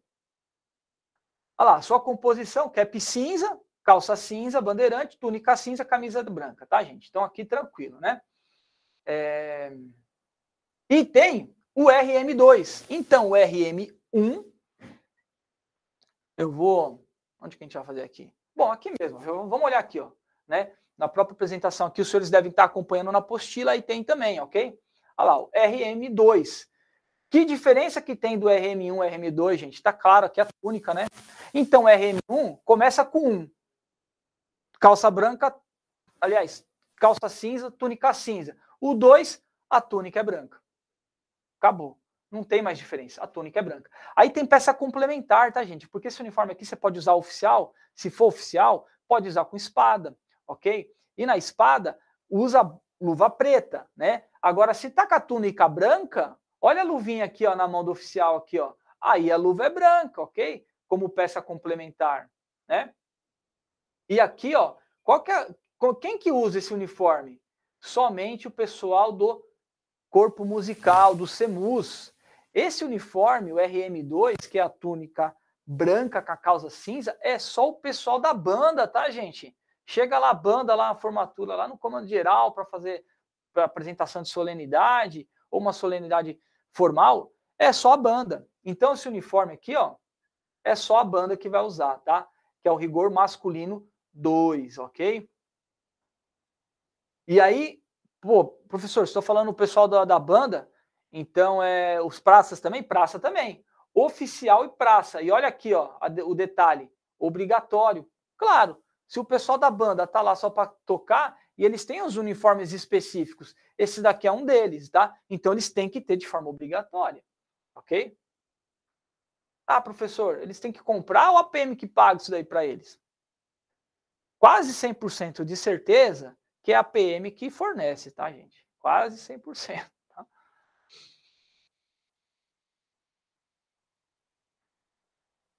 E ainda tem o RM3. Rigor masculino 3. Olha lá. O rigor masculino 3, todo branco. Então, entenderam como começa do 1, 2 e 3? 1, todo cinza, calça e túnica. O 2, calça cinza, túnica branca. E o 3, o RM3, o rigor masculino, as 3, calça branca e túnica branca, tudo branco. Inclusive o cap. Olha como mudou a cor do cap, né? Aqui já tinha, aqui não, aqui tava cinza do pessoal da banda, né? Agora no rigor masculino 3, o cap é branco também. E esse aqui, quem que usa? O pessoal do, do, do, da banda? Não, aí não, né, gente? Essa posse aqui, ó, facultativa para os oficiais e mediante autorização do comandante, para aluno oficial e praça, tá? Então, esse uniforme aqui é facultativo, tá? Esse daqui, na verdade, por que é facultativo para oficiais? Porque esse uniforme aqui, em tese, né, é utilizado uma vez só pelo oficial durante a sua carreira, né? É, grosso modo, né? Que é do, na sua formação de aspirante, né? No, na, na, no baile, né? Do, da, da espada, né? O chamado baile da espada, os aspirantes oficiais vão lá estar trajados, né? Com esse uniforme branco. E aí, eu, é, a facultativo para oficiais, para aqueles que querem ter, né? Tem oficial que gosta de casar com uniforme branco, por exemplo, né? Então é facultativo, tá? Ó, esse uniforme todo branco, RM3, facultativo, tá, gente? Ó, e mediante autorização para os praças e também para aluno oficial, ó. Entrou aluno oficial aqui, tá? E agora vamos falar do os uniformes de rigor feminino. Gente, não mudou. Calça branca, túnica, aliás, calça cinza, túnica cinza. Calça cinza, túnica cinza. O que, que muda no, no feminino? Ó? Esse aqui, tal qual, tal qual o gala, ele também pode usar uma peça substitutiva, que é a saia. Que é a saia. Também, ó, de forma facultativa é, é, para os oficiais e mediante autorização do comandante para as praças, ok? Então, no caso do efetivo feminino, coloca aqui que é facultativo para os oficiais femininas, ok? E, e praça, mesma coisa, mediante autorização, ok? Também temos aqui o rigor, é, o RF2, né, que é o pessoal da banda, né? Pessoal da banda, seja oficial ou praça, não importa, mas desde que, né, público feminino, ok? E, novamente, a saia como peça substitutiva. O branco, tal qual masculino, tá? Só que o branco, olha só, olha que diferença. A gente não viu aqui, ó, que ele tinha a saia como peça substitutiva? Quando ele é todo branco, é saia e só. Não tem calça nesse daqui. O masculino é a calça, a gente sabe, o uniforme todo branco. O RM3, né? Todo branco. Mas o RF3, todo branco, não tem calça. A saia, nesse caso, não é peça substitutiva, é a peça básica, é a peça original, ok? Não tem calça. Olha lá, começa, ó, parágrafo segundo, sua composição constituirá cap branco, túnica branca, platina removível e saia longa branca aqui, ó, item 4, gente. Saia longa branca, tá? Então não é peça substitutiva, ok? Aí o sapato branco, é branco, é tudo branco, tá, gente? É do pé à cabeça, até o sapato, tá? Luva, sapato, cap, tudo branco, tá? Tá parecendo, parecendo por exemplo, um, um militar da marinha, né? Ou da, um médico, sei lá. Ok? Agora aqui, ó, vamos começar. Isso aqui são os uniformes de rigor. Então, nós vimos que os uniformes de rigor podem ser três, tá? RM1, RM2, RM3. RF1, RF2, RF3. Masculino, feminino, tanto faz. O 1, calça cinza. O 2, calça cinza, túnica branca. Uso exclusivo do corpo musical, com cap cinza também. E o uniforme 3, calça branca, túnica branca, todo branco, né? Facultativo para os oficiais e é só oficial, não é o pessoal do SEMUS. Detalhe, nesse daí, é, o público feminino é saia, não tem opção de calça, né? No 3. Esse é o resumo da ópera do rigor, né? E lembrar que é camisa branca, né? Gravata azul e, pla e platina aqui no ombro, né? Onde vai as estrelas ou a insígnia do subtenente, na cor azul ferrete também, tudo no azul. Agora sim, vamos falar de uniforme especial, né? Então tem um uniforme especial ornamental. A gente não tinha falado lá do ornamental, que é o pessoal da cavalaria? Aqui, ó, tá, tá aqui. E é O1. O O1 por quê? Porque é tanto para o público feminino quanto masculino. Lembra que a gente viu de gala o G2 lá, que é para o pessoal da Academia do Barro Branco, que também não tem gênero feminino masculino, é unissex, que é o G2. Por quê? Porque são os uniformes de formatura. Esses uniformes que é utilizado em formatura, como esse daqui, é, é, eles não têm público feminino ou masculino, porque tem que ficar todo mundo igual, né, gente? Então é O1, olha lá, masculino e feminino. Calça vermelha, encarnada, né? Ele fala aqui, ó, é, capacete com penacho de crina, penacho de crina, né? Porque de crina de cavalo. Da cavalaria, se é o efetivo da cavalaria que vai usar, então penacho com crina de cavalo, né? Mas só crina, né? E ela posse, ó, é, será para oficiais e praças do regimento interno. Então, é posse para oficiais de praça, né? Sua composição constitui em capacete com penacho, sobrecasaca azul ferrete, culote de cavalaria encarnado. Então, quando a gente ouvir essa, esse termo aqui, encarnado, ó, encarnado, é a vermelha, né? É encarnado, né? De carne, né? Vermelha, tá? E os demais, as demais peças que a gente já conhece, né? O cinto, luva, bota de cavalaria preta, né? Bota de cavalaria. E aí tem as peças complementares, né? Ok? E tem aqui o ornamental 2, mas esse aqui masculino. Então, se tem masculino, vai ter o feminino, ok? Então, vai ter o OM1, o OM2 e o OF2, é, que é diferente. Olha lá, mudou. Ele já é menos rigoroso, né? Ele não tem capacete com penacho, né? É para oficiais e é para praças também do que? Da cavalaria, né? Do regimento de polícia montada, tá, gente? Regimento de polícia montada, ok? Só que a diferença qual que é? Bota de cavalaria preta igual, mas muda o culote, que agora não é mais o culote encarnado, é culote branco, e a túnica não é mais azul ferrete. Aliás, a túnica é azul ferrete, sim. Só que é diferente, né, o corte. Mas é túnica azul ferrete. Então, a túnica é a mesma, assim, no que na questão de cor. É diferente no corte, né?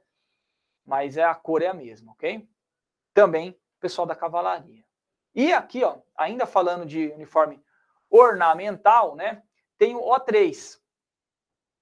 O O3, que é o pessoal que vai utilizar da onde? Casa militar. Olha que confusão agora, hein, tá, gente? Não vão confundir aqui esse O3, tá? Que é um uniforme ornamental, que também é unissex, é público masculino e feminino, com aquele de gala da, da, da Academia do Barro Branco, lembra? que é parecido também, ó. Usa, usa a barretina com penacho, ok? É, é, só que o da, só que o pessoal da Academia do Barro Branco é o G2, tá? Que é para os alunos oficiais. E não tem esse uniforme vermelho aqui. Lembram-se? Não é vermelho. Ele é azul ou branco só. Bem parecido com esse segundo aqui, ó. Mas não tem essa faixa, essa faixa branca ao lado da, da, da calça, ok? Ó ele põe aqui, né, uma calça preta, né, na verdade, e lá no Barro Branco, na Academia do Barro Branco, o G2, né, aquele uniforme de formatura, a calça é azul, azul ferrete. Nesse caso aqui, a calça é preta, tá? Calça preta. A composição aqui, ó, é, da sobrecasaca é uma sobrecasaca encarnada, né? É uma sobrecasaca vermelha, que pode ser substituída por uma sobrecasaca branca. E a posse é de quem? oficiais e praças da Casa Militar, né? Uniforme específico da Casa Militar, de ornamentação da Casa Militar. E ainda tem o uniforme ornamental 4. Olha aqui, esse aqui é muito específico, né, cara? Para quem?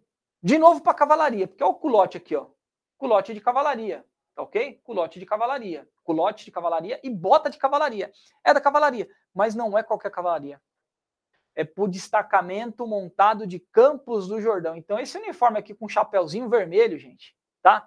De cavalaria, culote, bota de cavalaria, viu? Culote, bota de cavalaria, chapéuzinho vermelho, destacamento de polícia montada de Campos do Jordão. Só esse pessoal que usa isso daí. É um, é um, já é um uniforme tradicional lá, lá do pessoal de, de Campos do Jordão, ok? E posse obrigatória também, né? É, para as praças. Olha só que interessante esse uniforme do Chapeuzinho. Ele então não pode ser utilizado por oficial, tá, gente? Não compõe oficiais, somente praças têm a sua posse, ok? Do policiamento montado de Campos do Jordão. Ok? E o uso. E por que que utiliza isso daí? Lembram-se que lá em Campos do Jordão tem o Palácio do Governo, Pois é, então o uso dele é em formatura, desfile e guardas especiais do Palácio do Governo em Campos Jordão. Peraí, professor, então tem o Palácio dos Bandeirantes, lá na região do Murumbi, né, onde fica lá a sede oficial do governo paulista, sim. E tem a sede do governo em Campos do Jordão, que é um outro palácio, ok? E lá os praças vão utilizar o destacamento de polícia montada, né? Esse tipo de uniforme. Ou seja, não é um uniforme para utilização operacional somente em formatura e desfile. E o O5, aqui, o O5, Gente, para quem quer esse O5 de novo, primeira coisa que a gente vê aqui, ó, corpo musical de novo, né? Corpo musical de novo entrando aqui, ó, tá? Corpo musical.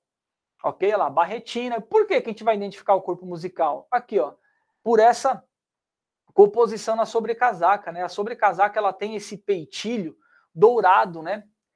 Ou prateado, tá? Então, tá aqui, ó, na, na, na nossa apostila, né? É, aqui do, por meio digital, ela tá mostrando dourado. E por que dourado? É o dourado é para oficiais. Quando é praça, esse peitilho, que a gente chama essas linhas, né? É, é, em, em metalizadas, né? Se for de prata, é para praça, é o dos praças. Em dourado, é dos oficiais. Então, esse uniforme aqui, ó, da calça vermelha, túnica azul ferrete ou túnica branca, é para o efetivo do corpo musical, tá? E veja só, novamente, O5 é gênero masculino e feminino, tá? Não tem é, é, diferença de gênero nesse aqui também, né? O especial para o pessoal do corpo musical, tá? E aqui, gente, para a gente encerrar aqui a nossa primeira participação para dar um intervalinho, é, os uniformes históricos, tá? Antes da gente nos uniformes administrativos. Artigo 40. Os uniformes históricos são os fardamentos utilizados em épocas anteriores, olha só, já ultrapassados de posse de oficiais e praça, então, uniforme histórico, tal qual a gente falou lá, que tem aquele da Revolução Constitucionalista de 32, que é utilizado pelos alunos oficiais da Academia do Barro Branco, posse para os oficiais e para praças, ok? É... Subordinados à DEC. Então, tem que ser ou praças é, é, é do RP Monte ou da DEC. Eu não falei que é da Academia do Barro Branco? Então, o uniforme histórico não é qualquer praça, qualquer oficial que utiliza tem que ser especificamente ou da cavalaria ou de órgão de apoio. Órgão de apoio, entenda-se, unidade de ensino, tá? Por quê? Porque tem que, ter, tem que ser subordinada à DEC. Quais são as unidades de ensino subordinadas à DEC? Academia do Barro Branco, que a gente já falou, Escola de Sargento, a qual os senhores aí é, é, efetivamente vão entrar, ok? Estão, estão, estão pretendendo entrar. É, Escola de Educação Física e Escola Superior de Soldado, né? Pirituba lá, Escola de, de Formação de Soldado, ok, gente? Então é isso. A gente vai dar um intervalinho, tá? E a gente volta, vou colocar aqui, ó. A gente vai retornar 20 para as 10 para as 10, tá? 9h50. 9h50, retorno.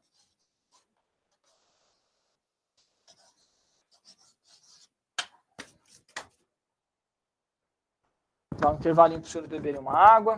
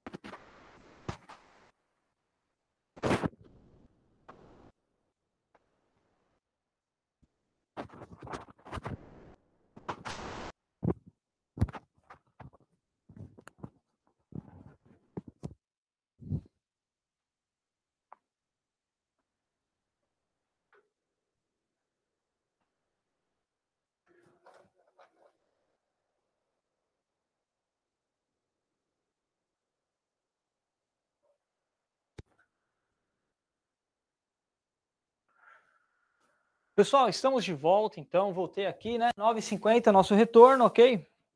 E estamos de volta para dar continuidade à nossa aula aqui sobre o R5PM, o Regulamento de Uniformes da Polícia Militar, para nossos futuros sargentos aqui da Polícia Militar, ok?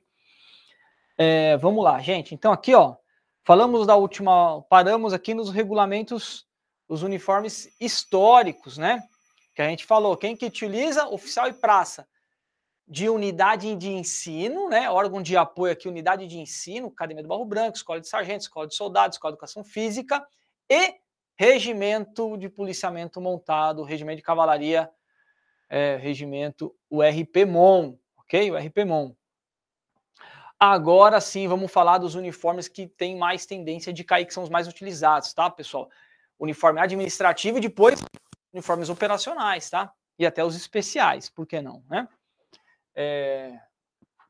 Assim, eu vou aqui dar uma... Hum, a gente já aprendeu aqui, né, a respeito dos caracteres, né? Já, tem, já estamos bem é, é, entendidos nesse aspecto aqui, ok? Então, vamos lá. Vamos dar andamento aqui.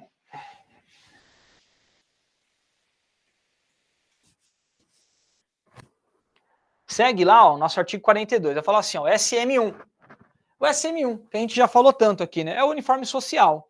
E a gente precisa entender também que o nome desse, desse uniforme social, né? Eles chamam também de passeio e pode ser também passeio completo. É também conhecido como passeio completo. Então, o passeio é só a camisa cinza bandeirante e meia manga, sem túnica. A calça cinza também, cinza bandeirante, sapato preto, é uma coisa.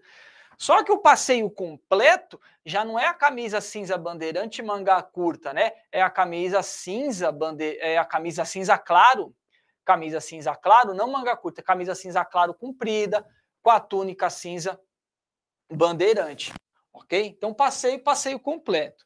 E esse daqui é o passeio completo, é o SM1, né, utilizado pelo público masculino. Como eu falei, parecido com o rigor, né? Parecido com aquele uniforme lá, com o rigor. Rigor masculino 1, olha lá, ó, ele é o quê? Semelhante, né, ao SM1, né, gente? Ele é semelhante. Qual é a diferença entre um e outro, né? Camisa camisa. Deixa eu colocar aqui, peraí.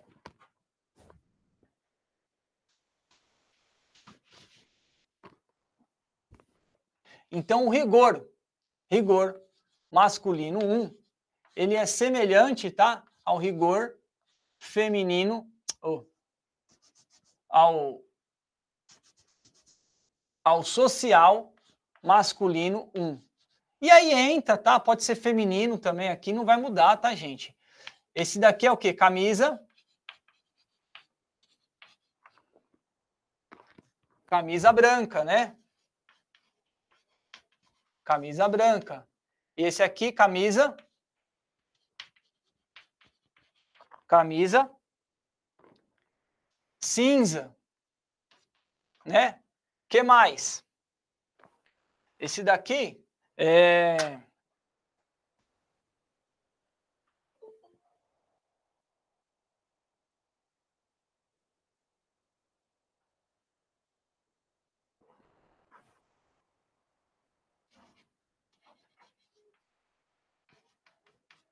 Gravata azul. Gravata azul. Esse daqui é gravata cinza, né? Gravata cinza. E a lapela, né? A... Ai, como que é o nome?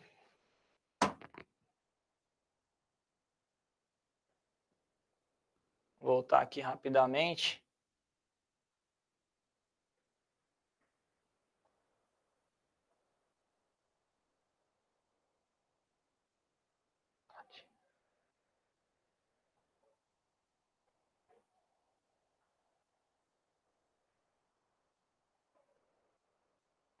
Isso aqui platina azul também, né? Gravata azul.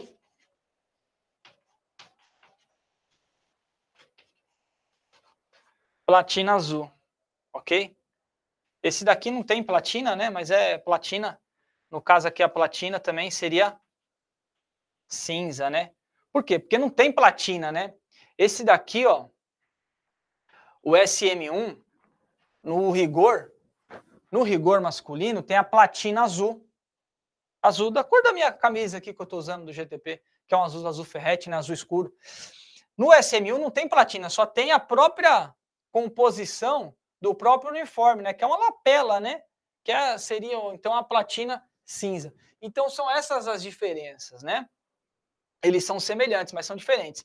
E aqui a gente já olha, cap cinza, sapato branco e, e bota de cavalaria preta para quem é da cavalaria, tá, gente? Então, muda aqui o SM1 para quem é da cavalaria.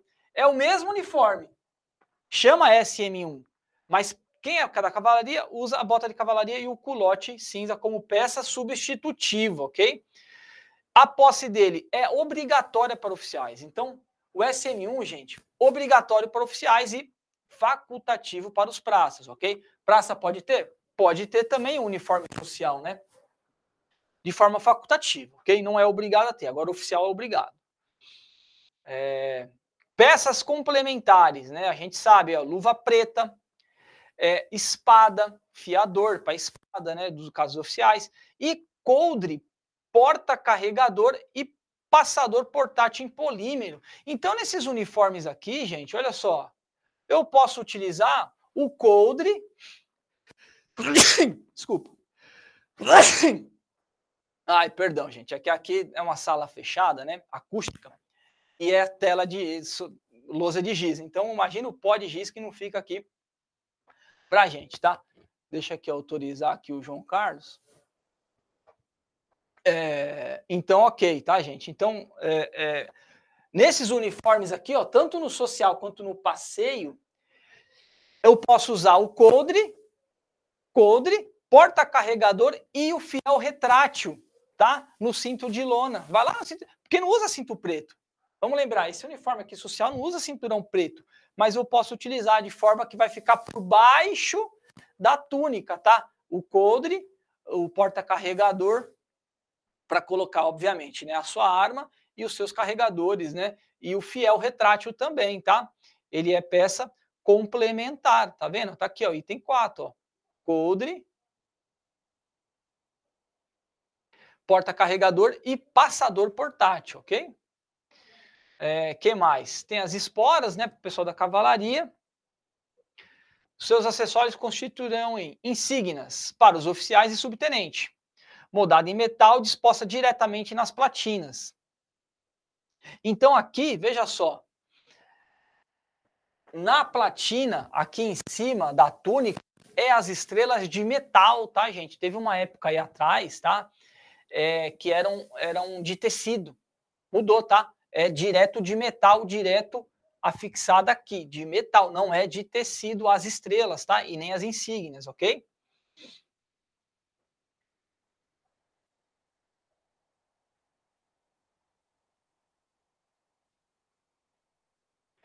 Detalhe, hein? Isso daí para os oficiais. Agora, olha lá. Para sargento, aluno sargento, cabo e soldado primeira classe, vai aonde? Vai na lateral, né? Vai na manga, olha lá, ó.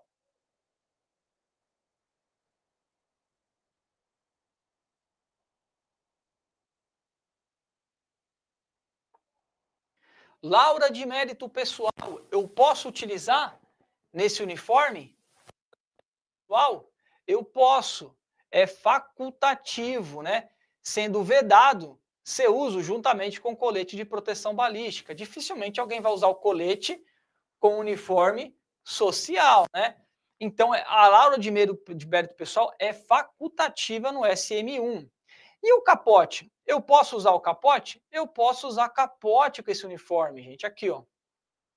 Ok? Ele tem a previsão aqui, ó, no item 3, ok? Eu posso usar o capote.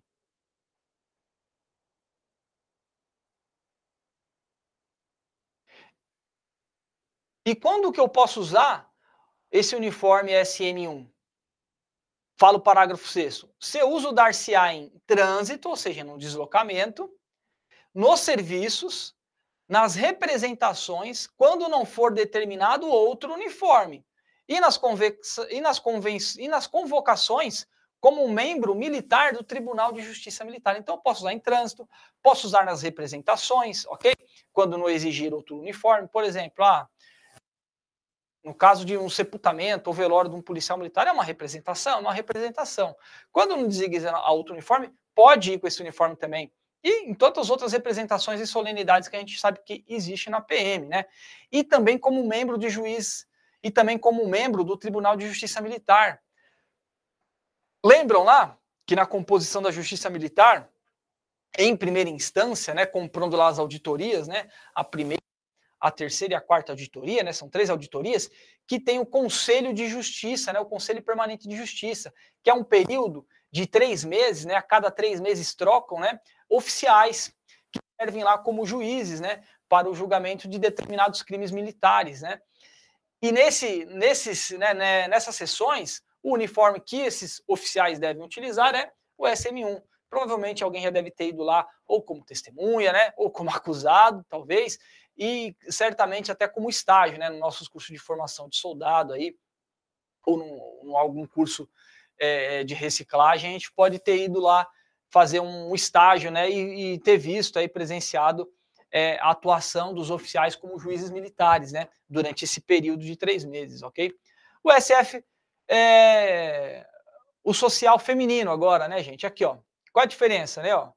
Culote de cavalaria, bota de cavalaria, para quem é da cavalaria, né? A, a, oficial feminino que for da cavalaria, ou praça, né? E tem a saia. Tem a saia. Então, como peça substitutiva para o público feminino, tem a saia além da calça, né? Então é a calça e a saia. Olha lá, calça cinza bandeirante, saia cinza bandeirante, ok? Jaqueta, muito bem. Esse daqui, gente, foi o uniforme social. Então vocês vejam que ele não tem o SM2, tá? Só tem o SM1 e o SF1. Não tem o 2, como tem no Gala, tem o 2. No uniforme de rigor tem o 2. Nos ornamentais, né, vai até o 5, ok? Nesse caso aqui, o número é SM1 e SF1, ok? Tranquilo. Gravata cinza bandeirante, né? Vamos lá, para fixar, tá, gente? Ó, não vamos esquecer, tá? Vamos pegar aqui o, o, uma, o feminino, né? A gravatinha do feminino é diferente, né? Mas ela continua sendo é, é, cinza bandeirante, ok? Camisa, manga longa, cinza claro, ok? Camisa cinza longa, manga claro. Calça e túnica cinza bandeirante, sapato preto, cap cinza. E agora o uniforme passeio. Olha lá, uniforme administrativo. Olha que, que legal, uniforme administrativo passeio. É o PM1, tá? PM1. É esse aqui agora, gente. Vamos falar dele, ó. O PM1 e o PF1. Tem diferença, né? Primeiro o PM1, público masculino aqui. Não vai divergir muito, né, o público feminino, né? Olha lá. Calça cinza bandeirante, camisa cinza claro, manga curta, ok?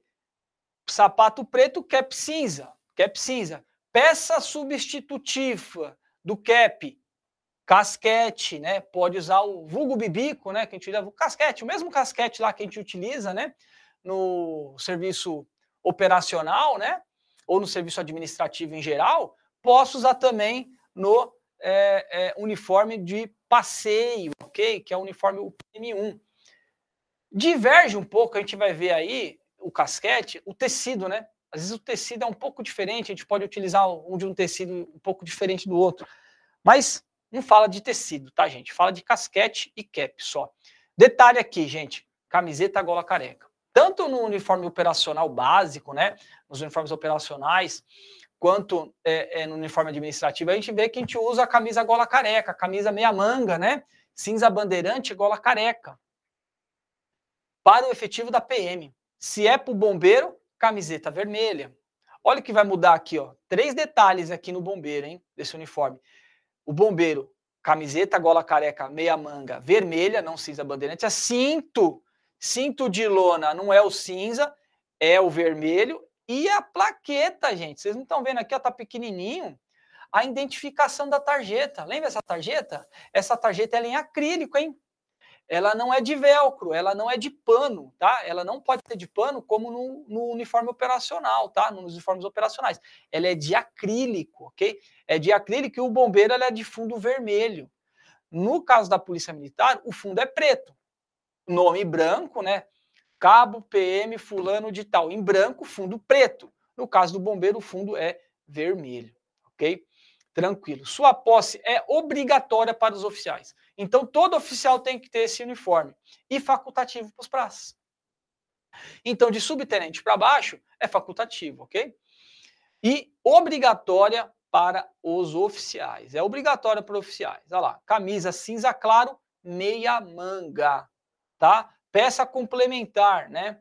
Pode usar lá o capote, cinza bandeirante. Pode usar o capote? Pode usar o capote. Pode usar a jaqueta? Pode usar a jaqueta.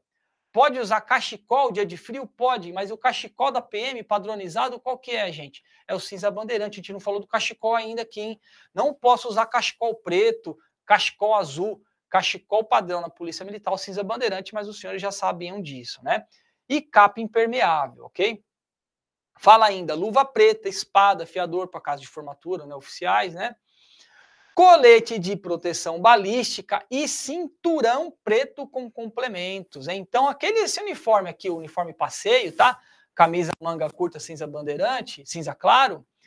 Posso usar o cinturão preto com complementos e posso usar o colete balístico, né? Sem dúvida nenhuma. Porque a gente vai ver mais à frente que ele é utilizado no trânsito. Eu posso usar ele em trânsito? Posso. Então, eu posso usar em formatura, ah, mas eu vou sair de casa, vou para a formatura, vou de cinto preto e vou de colete. Sem dúvida nenhuma. Pode usar o colete e pode usar o cinto preto. Mas pode também usar, olha aqui o item 6 do parágrafo 4 gente. Deixa eu ver se consigo destacar aqui. Aliás, já está destacado em amarelo, ó. Tá vendo? Coldre, porta-carregador e passador portátil em polímero para pistola, que é o fiel retrátil, né? O vulgo fiel retrátil. Esse passador portátil em polímero para pistola é o fiel retrátil. Então, eu tanto posso usar o cinto preto com complementos, e aí, óbvio, né? Vai estar tá minha arma, vai estar tá meu carregador, algema, colé, tonfa, é, gás pimenta, tudo que a gente. lanterna, canivete, celular, né? Tem gente que anda parecendo um cangaceiro, ok? Muito bem. Mas pode usar também, sem o cinto preto, a pistola. Quero usar a pistola num, num carregador aqui, um porta-carregador. Pode. Porta-carregador, coldre e o fiel retrátil. Pode usar, entendeu? E se eu quiser usar só o, o, o a pistola, o coldre com a pistola, sem o porta-carregador e sem o fiel retrátil? Pode também. Ele não está falando um e outro, né? Todos ao mesmo. Pode usar. Pode usar de forma complementar, ok? E o casquete. Olha lá, o casquete também é peça substitutiva. Então tá lá a nossa imagem, o, o, cidadão brasileiro policial militar com o cap, mas eu posso usar o casquete também, tá? Como peça substitutiva. É, muito bem. Laura de mérito pessoal. Laura de mérito pessoal. Posso usar? Posso, mas é facultativo. Então não é obrigatório de novo, tal qual no social, no uniforme de passeio administrativos, eu uso a Laura de meio pessoal de forma facultativa, tá, gente? Ela não é obrigatória. E se eu colocar o colete por cima, o que, que vai acontecer? Não vou poder usar a Laura de mérito pessoal, ok? As logomarcas é igual, capote, vida normal. Olha o parágrafo 6, que interessante.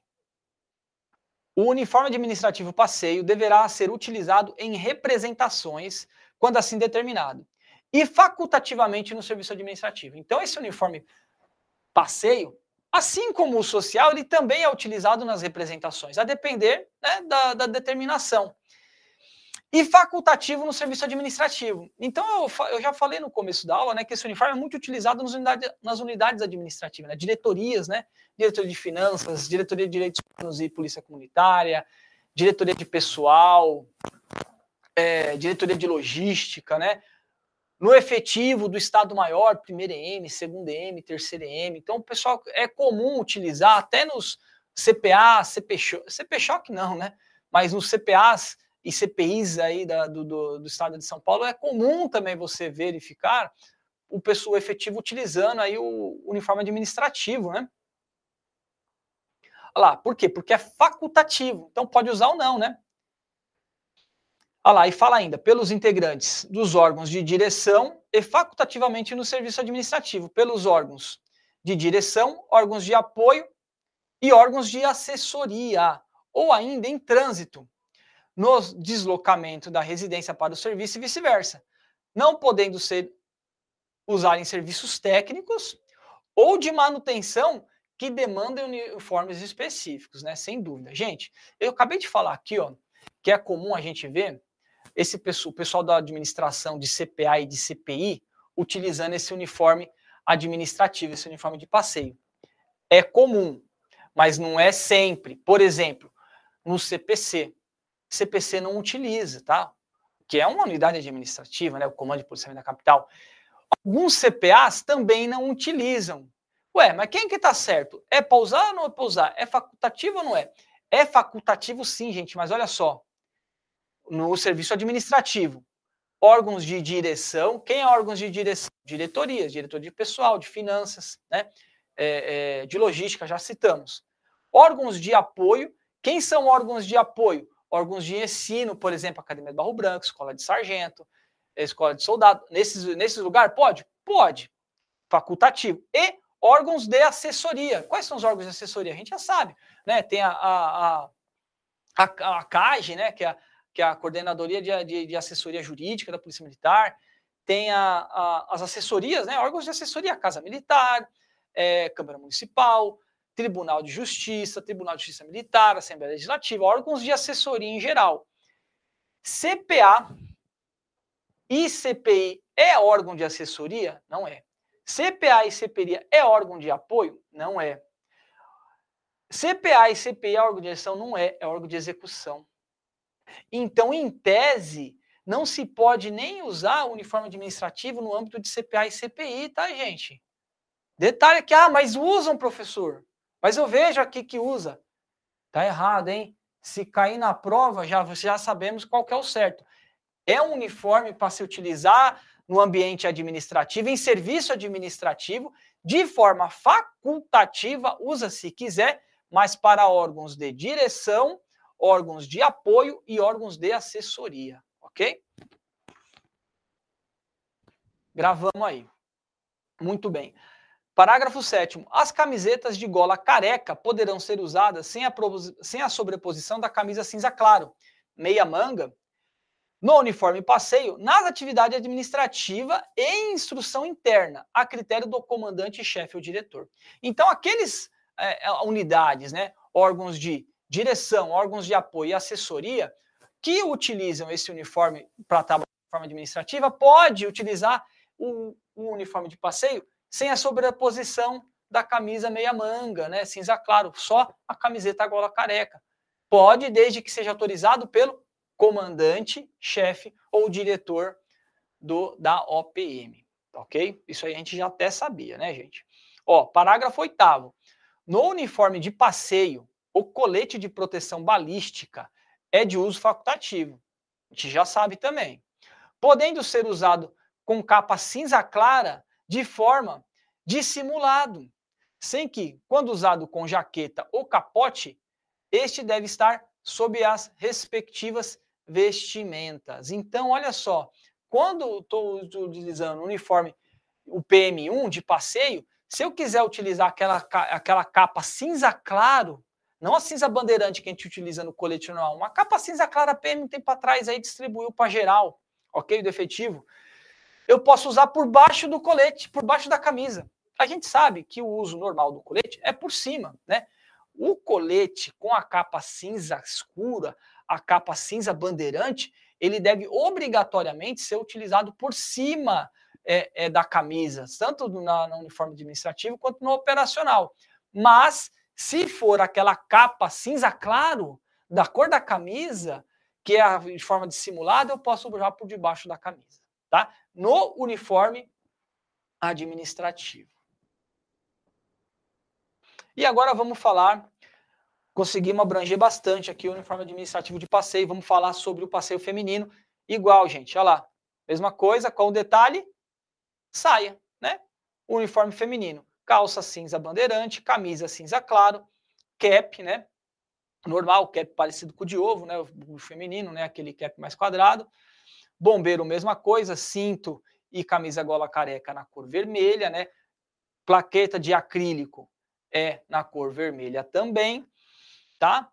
E só que saia, novamente saia, tem a opção, pode usar saia ou pode usar a calça, todas na tonalidade cinza bandeirante, ok?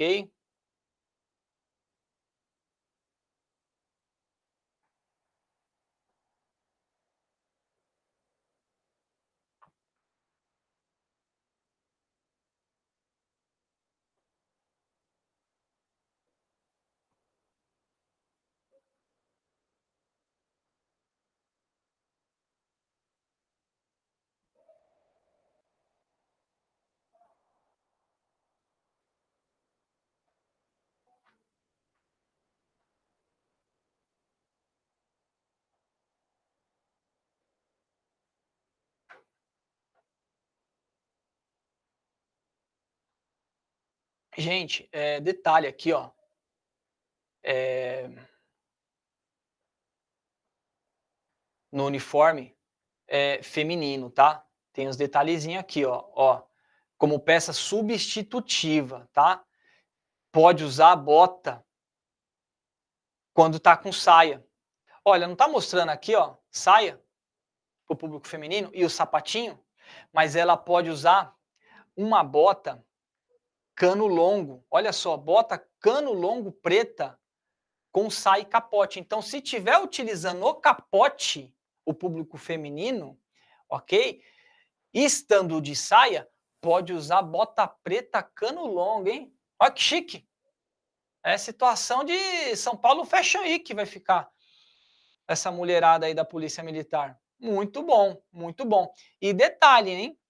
É, fala ainda, ó, que o público feminino, olha aqui, ó, peça substitutiva, bota preta, e tem seis aqui, gente, eu vou destacar aqui, ó, ó, bota preta em couro de cano curto e salto somente com calça. Então, na calça, o público feminino pode usar o sapato, mas pode usar também uma bota cano curto com salto. Bota cano curto com salto com a calça. Com a saia é o sapato ou ou a bota com salto cano longo. Olha só, cano longo. Mas para isso tem que estar tá usando obrigatoriamente também o quê? O capote, porque é situação de frio, né, gente? Vou usar a bota cano longo para cobrir as canelas da mulherada porque tá de saia. Por quê? Porque tá frio. Obviamente tem que ter o capote. Se não tem o capote, não tem a bota, ok? Senão fica estranho também, né? Aí, aí já não fica mais chique. Aí situação de Fashion Week fica para trás, ok? Muito bem. Vamos ver qual detalhe mais que tem aqui, ó. Laura de mérito pessoal, mesma coisa, uso facultativo, a gente já falou, né? É, o capote. É, ok. Então, gente, fechou. Uniforme administrativo, PM1, é esse daqui. E ó, detalhe, hein? Tem o 2? Tem o 3? Não. Então, tal qual o uniforme social, o SM1, SF1, o uniforme de passeio PM1 e PF1 só tem um. Não tem o 2, não tem o 3, não tem o 4, ok? É só esses aqui. Por isso são importantes esses uniformes administrativos, tá? Agora sim, vamos começar a falar aqui de uniforme operacional, gente, tá? Uniforme operacional, tá? Vou fazer aqui um adendo, vamos ver se a gente consegue fazer aqui nesse quadrado, ok? Para não perder o que a gente já falou. 47. Uniforme operacional básico é, é, deverão ser utilizados obrigatoriamente no serviço operacional de policiamento. Uniforme operacional básico utilizado obrigatoriamente no policiamento, ok? Com as composições adequadas às modalidades, atividades ou programas de policiamento. Então você tem que ser, ó, uniforme operacional básico eu só vou usar no policiamento e vou adequar a modalidade de policiamento. Se eu estou na Força Tática é um, se eu estou na Ronda Escolar é outro, se eu estou na RPM, né, as rondas é, é, é ronda de policiamento motor, é, de, com, moto, com, com motocicleta é outro, ok? Rocan é outro. Artigo 48. O uniforme operacional básico 1 deverá ser utilizado sem peças complementares ou específicas nas seguintes situações. Então, o B1, gente, o que, que é o B1? É B1, né? Já começa aqui, ó, B1. Ele é unissex. Não tem masculino e não tem feminino, né? É utilizado o mesmo uniforme, tanto para o feminino e para o masculino. E não vai usar com peça complementar ou substitutiva. Em que situação? Em trânsito e no deslocamento da residência para o serviço e vice-versa, ok?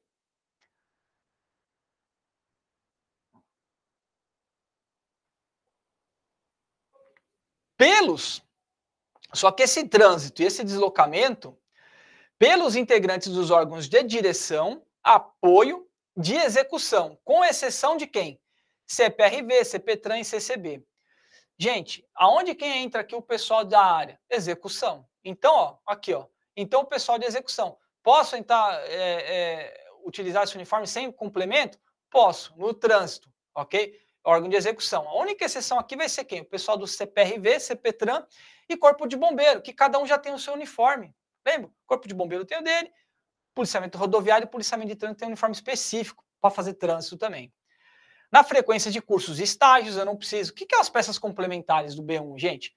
Cinto preto, colete, basicamente, tá? Cinto preto, colete. Vamos pensar nisso, peça complementar, tá? Ou substitutiva, tá? Que são outras também colete cinto preto. Então, eu não preciso usar colete cinto preto para frequência de curso, por exemplo, ok? É, no serviço administrativo, pelos integrantes dos órgãos de execução. Olha lá, órgãos de execução. Quais são os órgãos de execução? Batalhão e CPA. Batalhão e CPA, órgão de execução. Então, no serviço administrativo, eu não preciso usar cinto preto e colete. É meio óbvio, né? No serviço de atividade de delegado de policiamento, na jornada de, é, de trabalho, aqui gente, não é que não vai precisar usar o cinto preto e o colete, né? Lógico, né? Vou fazer DG em delegada, vou fazer, vou, estou em trânsito, eu uso cinto preto e colete, ok? Só não preciso usar peças é, substitutivas, tá? Aí não vai usar peça substitutiva de um de cada um. Por exemplo, motorizado, é um exemplo de peça substitutiva. Motorizado quatro rodas é calça cinza, bota preta, cano curto, ok? O motorizado duas rodas, RPM, por exemplo, e Rocan, que jeito que é? Bota de motociclista. Eu posso usar bota de motociclista em trânsito? Não. Bota de motociclista é peça substitutiva. Então eu não posso usar. Então eu vou usar cinto preto, colete normal para trânsito, para ir e voltar do trabalho sem problema, só que eu não vou usar a bota de motociclista. Eu vou ter que colocar a calça sem culote e bota cano curto normal, entendeu? Para fazer o trânsito. É isso que quer dizer aqui é, é, o deslocamento, que não será obrigatório, tá? Vamos lá. Ó, parágrafo único do artigo 48. Os policiais militares integrantes de OPM especializada, cujo uniforme contemplam uso de coturno preto ou bota tática, ou seja, OPM especializada, as unidades de choque, ok? Poderão utilizá-los com a calça cinza bandeirante do uniforme B1 sem a bombacha, em trânsito, no serviço de atividade delegada ou na jornada extraordinária de trabalho que o uniforme exigir. Então, veja só, pessoal das especializadas, hein? Pessoal das especializadas. É, é, durante trânsito, DGEM ou delegada. Pessoal da especializada, tá na hora de folga lá, vou fazer uma DGEM, vou fazer uma delegada, ou tô indo e voltando do trabalho, eu posso utilizar a calça cinza bandeirante sem a bombacha, tá? É, é, sem a bombacha. O coturno igual, mas sem a bombacha. Posso utilizar. Veja só o verbo, gente. Tá aqui, ó. Poderão. Eu destaquei em verde. Poderão. Então, o pessoal da especializada, se quiser continuar usando o bombacho, vida normal. Posso usar o bombacho no trânsito, na DGEM, na delegada, o pessoal da especializada? Pode, vida normal. Ah, não, mas eu quero tirar o bombacho aqui para fazer a DGEM a delegada, para não ficar tão diferente. Está autorizado também pelo parágrafo único do artigo 48. Nas atividades administrativas, artigo 49, exceto na função destafeta o uso do colete de proteção balística é facultativo. E as camisetas gola careca poderão ser usadas sem a sobreposição da camisa cinza bandeirante meia manga no uniforme operacional básico em instrução interna que está do comandante. Então, o uniforme administrativo lá do batalhão, o uniforme administrativo do CPA, do CPC, do CPM, eu posso utilizar a camiseta gola careca com o uniforme B1 sem a camisa? Posso. A gente já sabe, né? É costume ver isso daí, normal, está autorizado. E o estafeta? O estafeta também. Só que o estafeta, é, é, o uso de proteção do colete balístico é obrigatório. Porque o estafeta é um serviço administrativo, mas é da rua, ele precisa sair na rua, então ele tem que é obrigado a usar o, o colete balístico, ok, gente? Normal, né? Agora vamos especificar aqui, ó, uniforme de, de policiamento motorizado quatro rodas, tá? E atividades com moto. Esse daqui é o basicão, tá, gente? Esse aqui é o, é o, é o, é o nosso que está na apostila dos senhores aí, tá? Calça cinza bandeirante, camisa cinza bandeirante, ok? O que, que vai mudar aqui, ó? Pessoal do trânsito. Pessoal do trânsito, braçal branco, bombeta branca, né? Gorro com pala branco. Corregedoria, braçal da correge azul e boina azul, né? E tem aqui, ó, capacete branco e talabarte. Olha o cinto de couro branco com talabarte branco, couro branco, luva branca, esse pessoal de guarda, tá? Guarda de quartel. Guarda do comando geral, por exemplo, é esse uniforme que eles utilizam, ok? Muito bem. Então a posse é obrigatória. Quem que tem que portar esse uniforme aqui, gente? É todos, né? Todo mundo. Todos, oficial e praça, é obrigado, né? Não, não tem novidade nenhuma, né?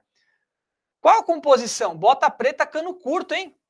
Ô, professor, mas tem uns oficiais aí, sargento, pra, soldado, soldado segunda classe que utiliza coturno. Tá errado. Olha aqui, ó, composição dele. Bota item 7 do parágrafo 2 a sua composição constituirá bota preta, cano curto. Esse uniforme, bota preta, cano curto, tá, gente? Cair na prova, bota preta, cano curto para prova, tá? Colete de proteção balística e cinturão com complementos, tá? Então, é a posse já desse uniforme, a composição dele já é o cinto preto e o colete. Aí peça complementar, posso usar jaqueta, posso usar o capote, posso usar o cachecol, que a gente já falou, ok? Capa impermeável, ok? É, aí peça substitutiva, casquete.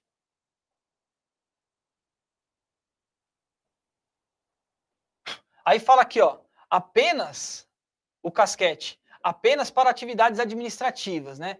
A gente sabe que o casquete também ele pode ser utilizado aí na, na, na atividade operacional, tá? Tá autorizado, tá, gente? Tá autorizado também, ok? Não vamos criar polêmica aqui, ok? Camisa polo cinza bandeirante. Eu posso usar então esse uniforme com camisa polo cinza bandeirante? Sim, a gente vai ver mais à frente aí. Peça complementar e substitutivas específicas. Pessoal do BAEP, Força Tática e CAEP, né? O CAEP é a companhia especial de polícia, né? Tem o BAEP, que são os batalhões, e as forças táticas, ok, gente? Boina cinza bandeirante, a gente já sabe, braçal de força tática, ok?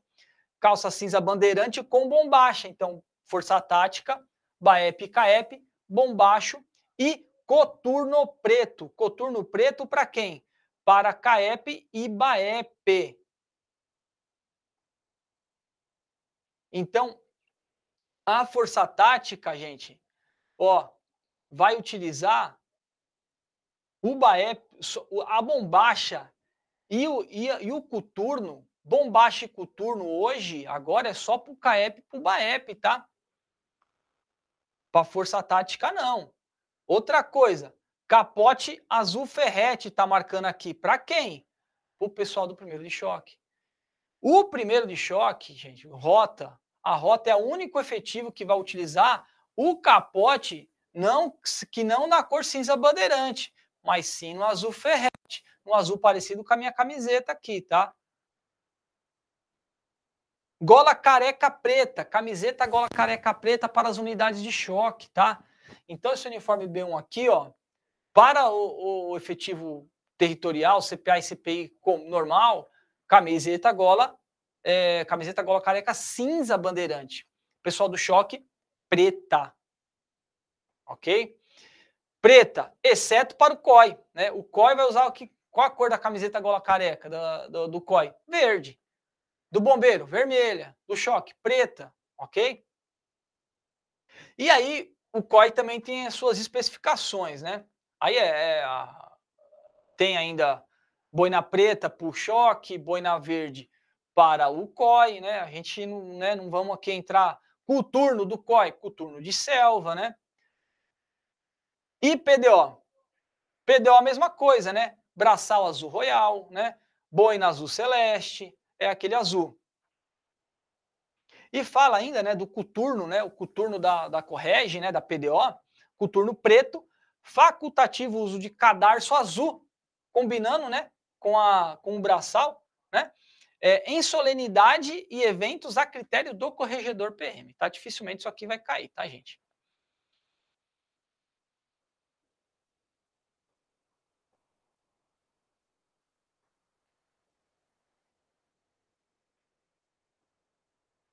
Agora aqui, ó, item 6, tá? Que vai falar sobre o quê? Instrução interna, aqui, ó.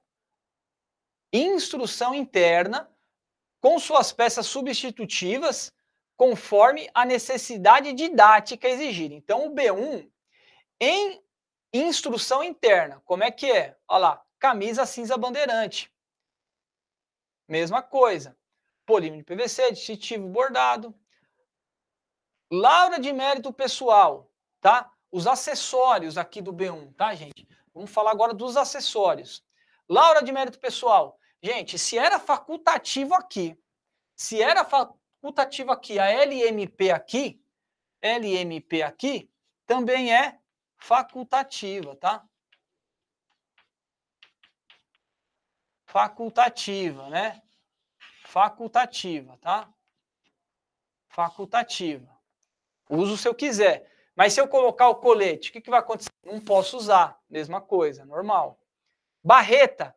Ó, gente, cuidado, hein? Teve informação aí de que eu já vi pro pessoal perguntando: ah, a barreta não pode usar no B1, tá? A barreta. O que, que é barreta? Aquelas medalhas, né? Aquelas medalhas quadradinhas, né? Pequenininha que vai em cima aqui do bolso, do lado esquerdo, do lado contrário do nome, né? Pode usar, gente. As barretinhas, as medalhas no, no B1 também pode usar ok? Só que ela é facultativa, né, sem dúvida nenhuma. Ela tem um limite de três, não pode usar aquele monte de barreta, né? São só três. Qual que é o limite de barreta? Então, um três, ok? Em uma fileira. E é de tecido. Esse não é uniforme operacional? A gente não tem que usar o colete por cima? Então, emblema de curso, brevet de curso, e, e barreta eu posso usar desde que seja de tecido, né? Costurada direto, né? O de velcro, né?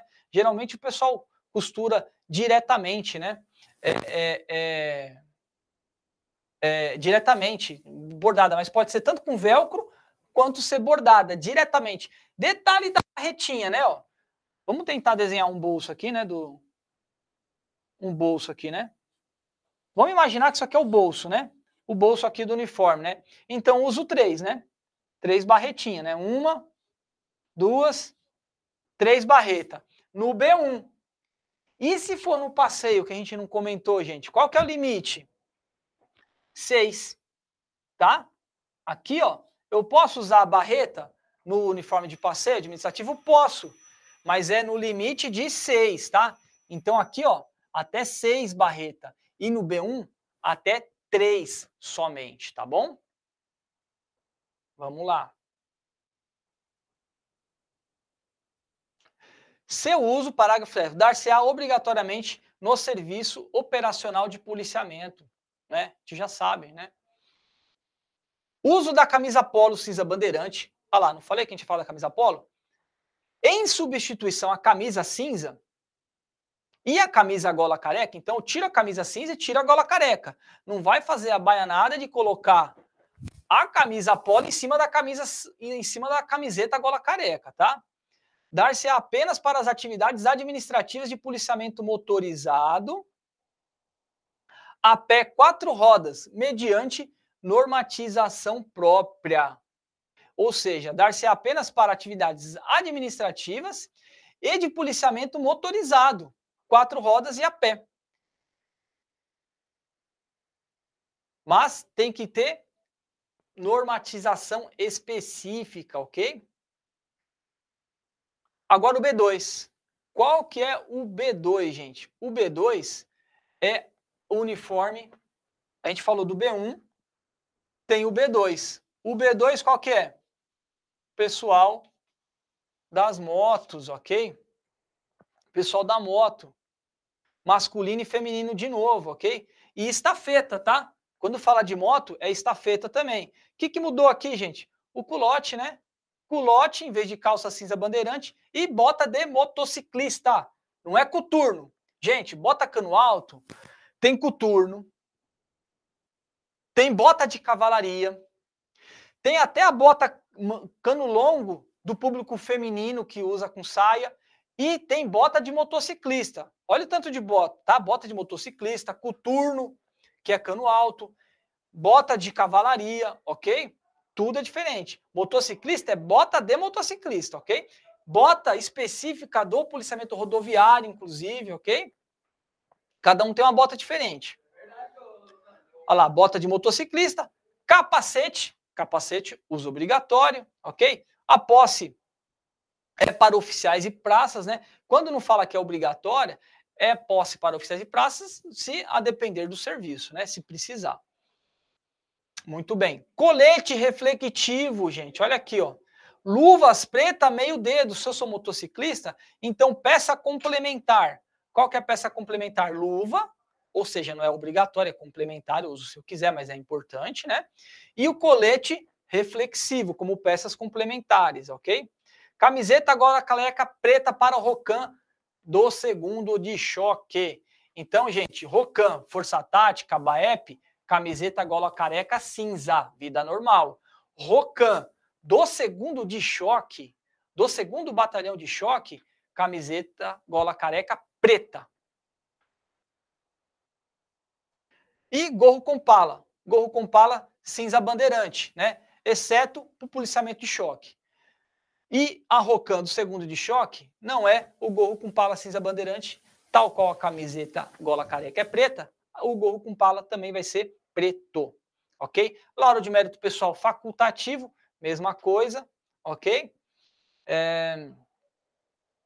O serviço de estafeta, a gente já sabe qual é o uso, né?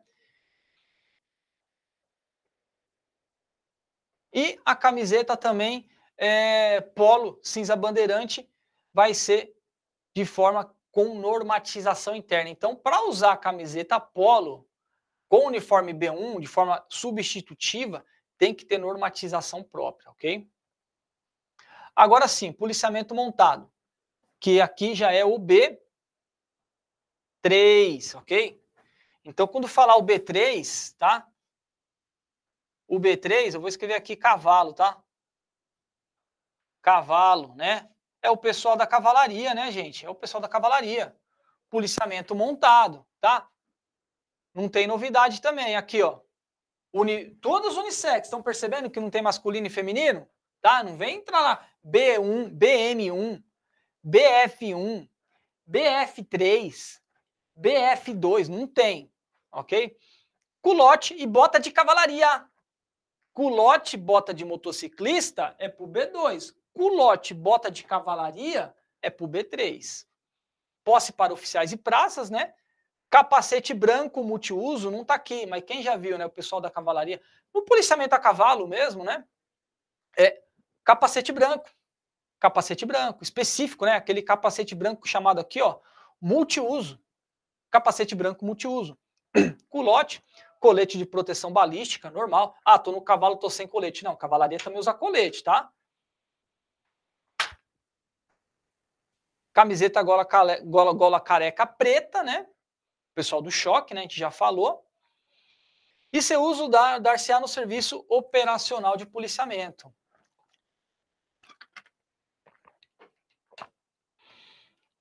Gente, os mais importantes, agora aqui, né? O B4. O antigo, esse B1 nosso, né? Que era o antigo B4, mudou. Agora o B4 é outro, né? O B4, gente, é uniforme ó, de controle de distúrbios civis, ok? E ele vai falar assim ainda, ó, é, para órgãos de, né, órgãos de controle de distúrbios civis, né, e órgãos de execução subordinados ao CPC, CPM e CPI. Então, esse daqui, o pessoal do choque tem um uniforme específico. Esse uniforme aqui, ó, o B4, para controle de distúrbios civis, é para o pessoal do CPC, do CPM e dos CPIs, ok? Não é para o choque esse aqui. Esse B4 não é para o choque. É pros, para os órgãos de execução subordinados ao CPM, região metropolitana de São Paulo, CPC capital e CPI interior, Vale do Paraíba, região litoral e tudo mais, né? Sua posse, oficiais e praças, capacete de choque, gandola cinza bandeirante meia manga. Olha, mudou. Não estou falando camisa, estou falando gandola. Por quê? Porque a gandola é manga comprida, ok, gente? Gandola cinza bandeirante, tá? Calça cinza bandeirante, uso de bombacha. Se tem bombacha, então tem coturno, não é mais o burziguim, não é mais a bota preta, né? Não é a botinha da Xuxa, a botinha preta cano curto, ok? Olha lá, coturno preto aqui, ó coturno preto, ok? Para esse uniforme B4. Então, uniforme B4 com CDC. Uniforme B4, deixa eu anotar aqui, vai, pessoal, para vocês não esquecerem, tá? Vou apagar aqui. Vou apagar essa situação aqui, tá? O B4, então, aqui, ó. O B4 é QRU de CDC, tá? Mas não é para choque, tá? É para CPA, CPM, CPI tá? E aqui, ó, eu acho que é o último que vai falar o B5, né? De novo aqui, uniforme operacional, que é o pessoal que está policiamento a pé no litoral, quadriciclo e bicicleta. É o mesmo uniforme. Então, se eu estou no quadriciclo, que é a motinho com quatro rodas, né? Vocês sabem que é um quadriciclo, né? Bicicleta ou a pé é o mesmo uniforme, que é a bermuda é a bermudinha e a camiseta polo. Camiseta polo sem camiseta gola careca por baixo, hein? Camiseta polo, bermudinha, tênis preto. E a, bom, e a bombeta. Policiamento a pé. Olha só, gente, não é policiamento a pé na Paulista. Não é policiamento a pé na Praça da Sé. Não é policiamento a pé lá na, na, na, na região comercial lá do, do da, da minha cidade ou do meu bairro, ok? é policiamento a pé no litoral, gente. É só na praia, tá? Por isso que tá de bermuda, porque é situação de praia, tá? É, é negócio de, de sol, calor, verãozão, pernilongo picando as pernas dos polícia, porque está de bermuda. Quem nunca foi para a praia, ó, tem uniforme, pode usar um uniforme aí de, de verão, né? Bermuda e camiseta. Aí chega o polícia lá de calça e japona. Pô, mas por que o cara tá de jaqueta e de calça no, no policiamento a pé lá no litoral. Claro, né? Pernilongada, rebenta o polícia. 5 horas da tarde, o pernilongo começa a avançar, o polícia tá lá de bermuda. Ele passa um pouquinho de calor com a calça, inclusive com jaqueta, às vezes a gente vê, mas não toma as picadas lá dos pernilongos, né? Muito bem. Mas é o quê? Então, bermuda, gente, bermuda, situação de bermuda e camiseta polo é a pé no litoral, tá? E quadriciclo e bicicleta, o mesmo uniforme, ok? Tá aí, ó. Então, o B5 aqui é a bermuda, tá? Vamos marcar aqui a bermuda. É a bermuda, tá? Não fala aqui, gente, que é só pro batalhão do litoral, tá? Não é só pro pessoal do CPI 1, CPI 6, tá? Lá é 21I, 39I, salvo engano, né? Outros batalhões aqui eu não me recordo direito, ok? É, mas não é só. Por que não é só? Porque você está aqui, Operação Verão, você vai para lá, você pode usar também, ok? Composição, gorro com pala cinza bandeirante, bermuda, camisa polo, já falei. Calçado esportivo preto. Eu falei tênis preto, mas olha a designação aqui do R5. Calçado esportivo. Que calçado que é esportivo, né? Pode ter vários, o tênis é um deles, né? Abrigo cinza bandeirante, policiamento com bicicleta. O abrigo do policiamento com bicicleta lá capacete de motociclista, quando no quadriciclo. E capacete branco multiuso, quando na bicicleta. O capacete branco multiuso, a gente já falou, aquele mesmo que o pessoal da cavalaria usa, ó. Tá lá a galope, tá policiamento no cavalo. Bicicleta, o capacete é o mesmo, é aquele branco multiuso, que é um quadradinho, bacana aquele capacete. Luva preta meio dedo, né? Para quem vai utilizar aí bicicleta e, e também é, é, e a bicicleta ou a, o quadriciclo, né? É importante o uso de luva, né, gente? Bandeira, logomarca e o seu serviço e o seu uso dar-se-á no serviço operacional de policiamento. Claro, né? Esses uniformes aqui, né, gente? A maioria deles aqui é o quê? Serviço no policiamento. Aliás, todos, né? É operacional, né? Exceção do B1 aqui que você pode usar também na, na administração, né? E agora, né, gente, vamos falar dos uniformes específicos. Vamos falar bem rapidamente, uniforme específico. Polícia rodoviária, a gente já sabe, cá, mesma coisa, polícia rodoviária, policiamento de trânsito, já não é mais a camisa cinza bandeirante, é a camisa cinza claro. A mesma camisa aqui, ó, do administrativo passeio, tá, gente? Então vamos, eh, vai ser utilizada no policiamento rodoviário. Policiamento rodoviário, então, policiamento de trânsito, camisa cinza claro, não é camisa cinza bandeirante, ok? O CAP do policiamento rodoviário também é diferente, gente. Aqui, ó, item, item 1 do parágrafo 2 ó. CAP rodoviário, ok? CAP rodoviário. Culote de motociclista, vida normal, e bota preta do policiamento rodoviário. Olha que específico. Não é bota preta de policiamento de moto, não é bota preta de policiamento de trânsito. Não é coturno, é bota de policiamento rodoviário. Capacete para o motociclista, que vai estar na moto, né? Casquete para atividade interna, como peças substitutivas, ok?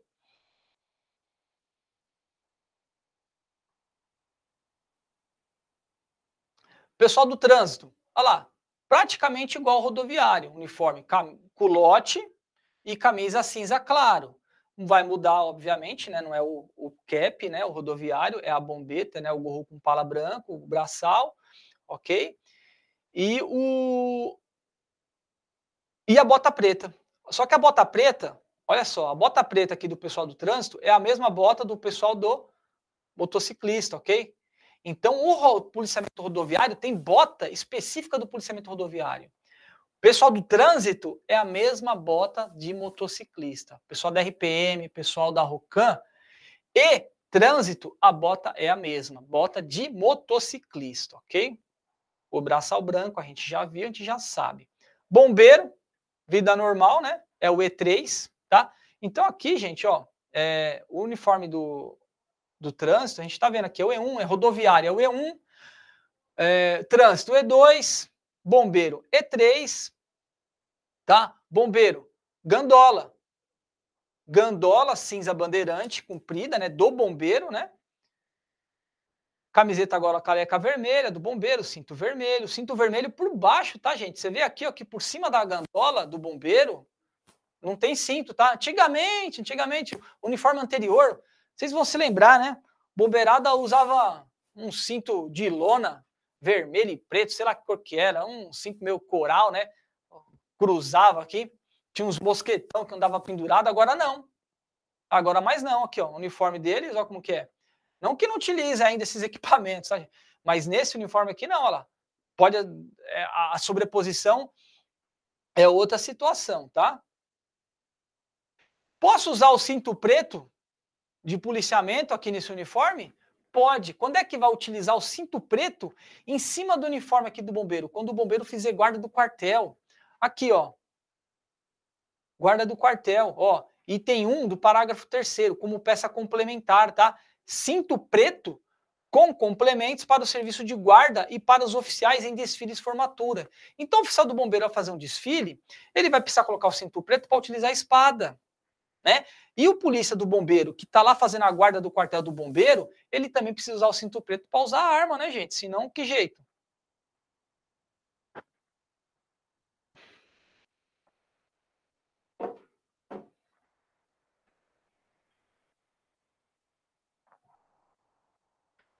Bom, guarda-vida, não, vou, não vamos perder muito tempo aqui, tá, gente? Guarda-vida, né? Normal. Olha lá. Pessoal do guarda-vida também pode utilizar aí é, é, maior detalhe, tá, gente? É, o uniforme, veja só, de guarda-vida, é o E4. Masculino e feminino. Ué, como é que o uniforme de guarda-vida masculino e feminino é igual? Não tem EM1, EF4, EM4, não. É E4. É masculino e feminino, é igual, tá? Só que um usa é, o maiô e o outro usa a sunga. Só que a sunga aqui nesse caso também é chamada de maiô, tá? Olha lá. Bem dificilmente isso aqui vai cair, tá? Policiamento de choque, tá? Policiamento de choque, o E6. Esse aqui é o policiamento de choque para escolta de motocicletas, ok? Pessoal da escolta, olha lá, calça preta, tá, gente? Culote de couro. Esse culote aqui, ó, muito específico na Polícia Militar, hein? É para o pessoal de motociclista que vai lá pegar as Harley Davidson da, da, da, PM, lá do batalhão de choque, ó, fazer escolta de dignitários, ok? Então aqui, ó, culote preto de couro, ó. não é cinza bandeirante, não, é culote preto e não é de tecido, não, é de couro, ok? Olha lá, e o uso? Motocicletas errados pelo serviço de escolta do ROCAN, da ROCAN do segundo choque, ok? O E7, pessoal do GAT, ok? Vida normal, camuflado, bota. A gente já viu, chapéu preto, né? O E8, controle de distúrbios civis do choque. Lembra que a gente falou aqui, ó? O B4 é para CDC de quem? Para CDC do CPC, do CPM e do CPI. Agora, o E8, olha que interessante, gente. O E8 é CDC, CDC também, CDC mais a do choque. Mais para as unidades de choque, tá? Então, ó, a gente não pode confundir um com o outro, porque eles são diferentes, ok? Porque unidade de choque, o, o, o uniforme de CDC deles, quem que é? Camuflado, para todas elas. Rota, segundo de choque, terceiro de choque, GAT, tudo uniforme específico para as unidades de choque, ok?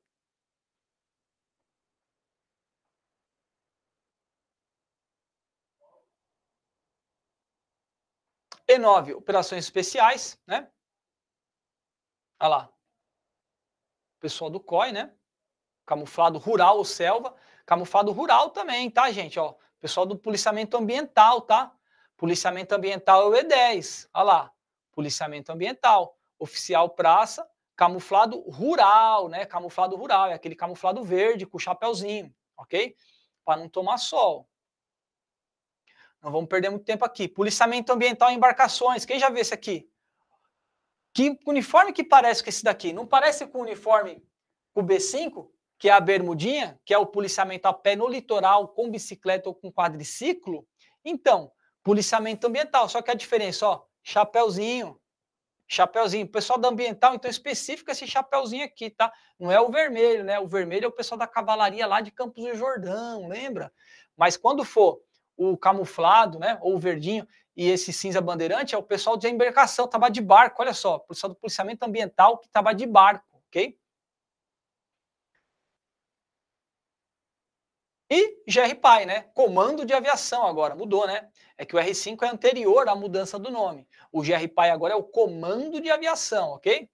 Então, aeronave é o macacão verde, olha lá, macacão verde, casquete, ok? Vida normal. Bota preta de voo. Olha aqui, outro tipo de bota, tá? E uniforme de educação física para os profissionais da escola de educação física, tá? Por quê? Shorts branco. Quem nunca teve um instrutor de educação física aqui? Shorts branco. Ah, por que, que é o shorts branco? Porque é o cara que é formado, né? É, é, no curso de educação física da Polícia Militar, né?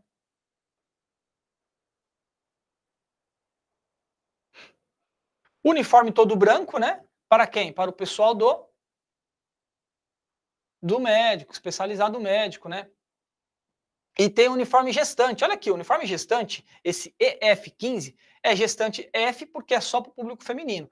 Ah, Tem o EM15? Não, porque não tem o público masculino gestante, tá, gente? Ah, mas e se for o cidadão brasileiro lá que está com a circunferência da barriga aqui na frente, ele pode usar o uniforme de gestante? Não, né? É gordura, não é cri, não é bebê, não é gestante, ok? Então é o EF15.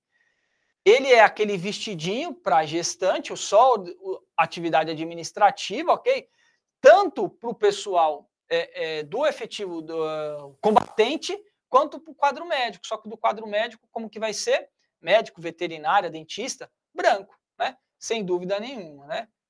Olha lá, jumper, né? Chama esse uniforme aí. Jumper branco para o quadro de saúde e jumper cinza para o quadro de combatentes, ok? Seu uso, olha lá, deverá ser serviço interno e em representações, jamais em atividade operacional. Presídio Militar Romão Gomes, calça bege, camiseta amarela, né? Quem nunca viu, tá vendo agora. Uniforme de educação física, parecido com o uniforme lá de guarda, né? De, de, de, de guarda, a gente já viu, ok? E uniforme de serviços gerais, para concluir, que é o macacão, que a gente já falou, inclusive, ok? Ah, gente, detalhe, né? Garçom e, me, metre, né? O DM2, serviços gerais. Então, se tem DM2, tem o DF também. Então, o D1 é serviços gerais, né? D1, serviços gerais é para masculino e feminino. Aí o D2 é para garçom. Pô, tem garçom na PM? Tem, ó, calça preta, smoking, ela, é, é, túnica preta, ou túnica branca, gravatinha borboleta preta, né? Olha que interessante. E, aliás, não tem o DF, né? Esse aqui é só para o público masculino. Então, garçom e metre não pode ser do gênero feminino. Olha só que interessante, hein? Só pode ser garçom e metre na PM o público masculino, ok? É isso aí.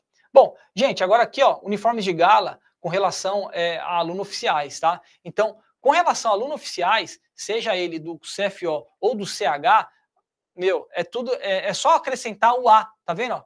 É o gala masculino 1, GMA 1A. Por que 1A? A de aluno. Então, vai ver ó, todos os uniformes de gala, uniforme formal, é, aqui, ó, uniforme formal, tem o A no final, RM 1A de aluno. Então, se tem o A, é de aluno, ok? Aí tem umas diferenças básicas que a gente não vai ficar aqui é, é, é especificando, tal. Uniforme administrativo, PM1A, A de aluno, ok?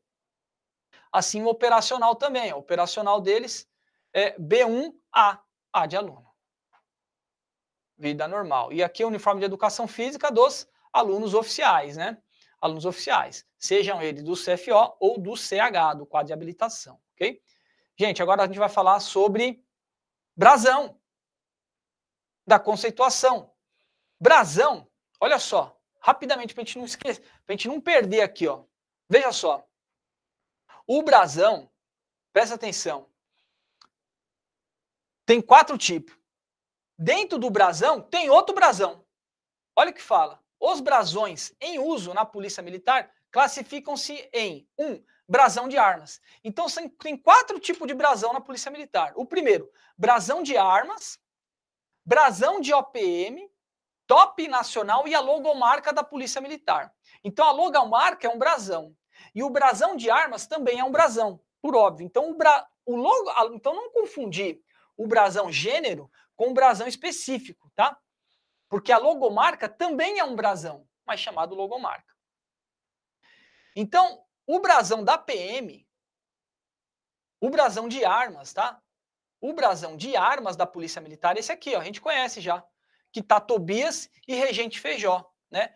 Tobias e, Tobias e Regente Feijó não, né? Marca aqui, né, o, o, o, o soldado aqui no, no, da, na ocasião da criação da Polícia Militar, da Força Pública, lá em 1831, e aqui de outro lado a figura do bandeirante, né? Do bandeirante paulista que desbravou o Brasil e fez o Brasil do tamanho que é hoje aqui, ó, com o Bacamarte, né?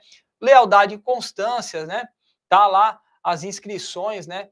De princípios, né? Atinentes específicos da Polícia Militar de lealdade e constância, ok? Esse aqui é o brasão da PM, brasão de OPM. Brasão de OPM é aquele brasão que a gente já conhece, que é o brasão de cada OPM, né? que tem lá o escudo português, ok? Tem que ser assim. O R5 ele determina que o brasão de OPM ele tem que ter essa configuração, né? Com o leão, com as garruchas de um lado, o escudo português, salvo, e aí tem as exceções, os brasões históricos. Os brasões históricos de organizações de OPMs, de batalhões, como, como qual, né?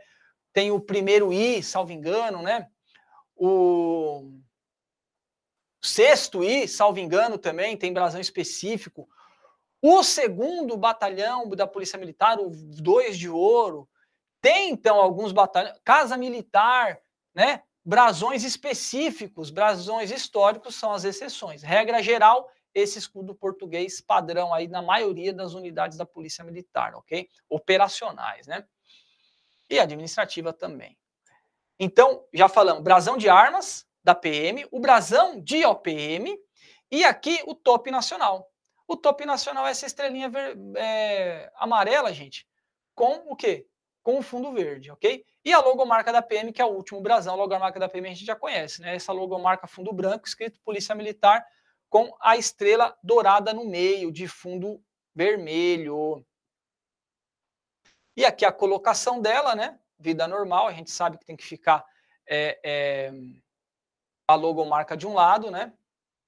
E o brasão do outro, ok?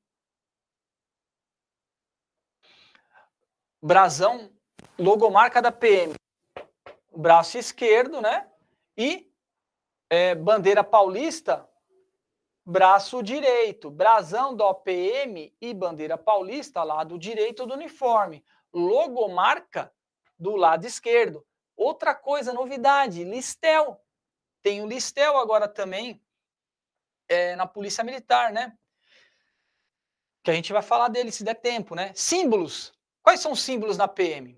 Símbolos. Gente, símbolo na PM é aquele monte de símbolo que é bombeiro, cavalaria, comunicação, que são símbolos da atividade policial militar. Então, os dois símbolos, símbolos de polícia militar e os símbolos das atividades. Símbolo das atividades é cavalaria, bombeiro, comunicação, serviço médico, musical, veterinário, que a gente já conhece. Então, o símbolo da PM é esse aqui, ó. É aquele que fica no cinto. Antigamente tinha no cinto, isso aí algumas é boina, tem lá no fundo da boina também esse símbolo. Esse é o símbolo de polícia militar. E o símbolo da polícia militar é as duas garruchas. Duas garruchas, esse é o símbolo é, da Polícia Militar do Estado de São Paulo, e esse daqui é um símbolo de Polícia Militar do Estado de São Paulo. É de e da. Aí vem símbolo de bombeiro, a gente já conhece, símbolo da cavalaria, símbolo da, da cavalaria, como é que é? Duas lanças, símbolo da comunicação, que tem esse raio no meio, símbolo de instrução e ensino, que é o livro aberto do globo, símbolo do farmacêutico, que é o cálice, olha lá, né? A cobrinha com o farmacêutico, vamos, né, passar disso daqui. Não tem muito interesse para a gente. E as insígnias, né? Insígnia. Insígnia é a representação específica de determinado posto ou graduação ou de determinada função dentro da instituição. Então, insígnia é posto graduação, ou seja, soldado, cabo, sargento, oficial, capitão, tenente, e função. E função.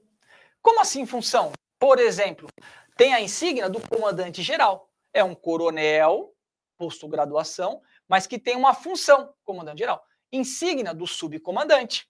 Ele é um coronel, mas tem a função de comandante. Insígnia do juiz militar. Ele é coronel, mas ele é juiz, então a função.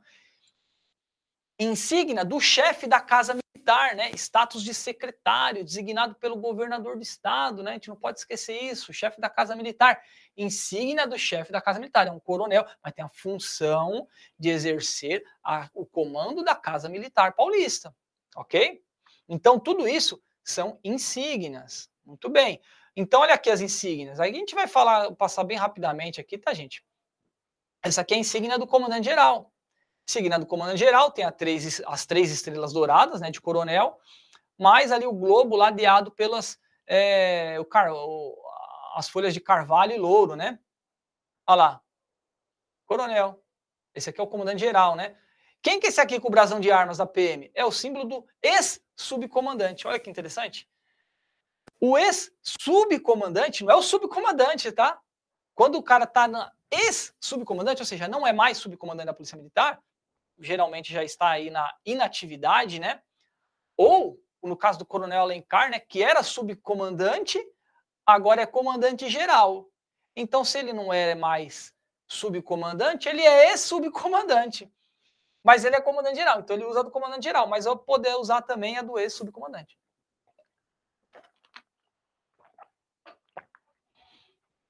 Que ele foi os dois, ok? É, tem aqui ó, o, o brasão do a insígnia da chefe da Casa Militar, que tem as três estrelas de coronel, mais o logo, mais a logomar, mais o brasão de armas do Estado de São Paulo. Então esse aqui é o brasão de armas do Estado de São Paulo, né? Que tem aqui a espada, né? Com as asas escrito SP, né? De São Paulo, né? Muito bem. Tá aqui, ó, né? A, a lapela aqui As estrelas, né? Estrelas de oficiais é, intermediários e subalternos, né? Segundo tenente, primeiro tenente capitão, e estrelas de oficiais superiores, douradas, né? Major, tenente coronel e coronel, e estrela de aspirante. Alunos oficiais, subtenente. E aqui vai mostrar agora dos uniformes também, é, a inscrição dos uniformes de gala, né? As divisas, a gente já sabe, não precisa. É, é, e a representação hierárquica da função, tá? Representação hierárquica da função vai seguir quase a mesma coisa, tá? Ó. É, a, é, as estrelas, é os galão, isso daqui dificilmente vai cair, tá? Quem tiver tempo dá uma estudada, mas dificilmente. Com relação a aluno oficiais também, não precisa saber, tá, gente? Ah, é, o forragê, o forragê amarelo, forragê amarelo, é o aluno oficial do terceiro ano.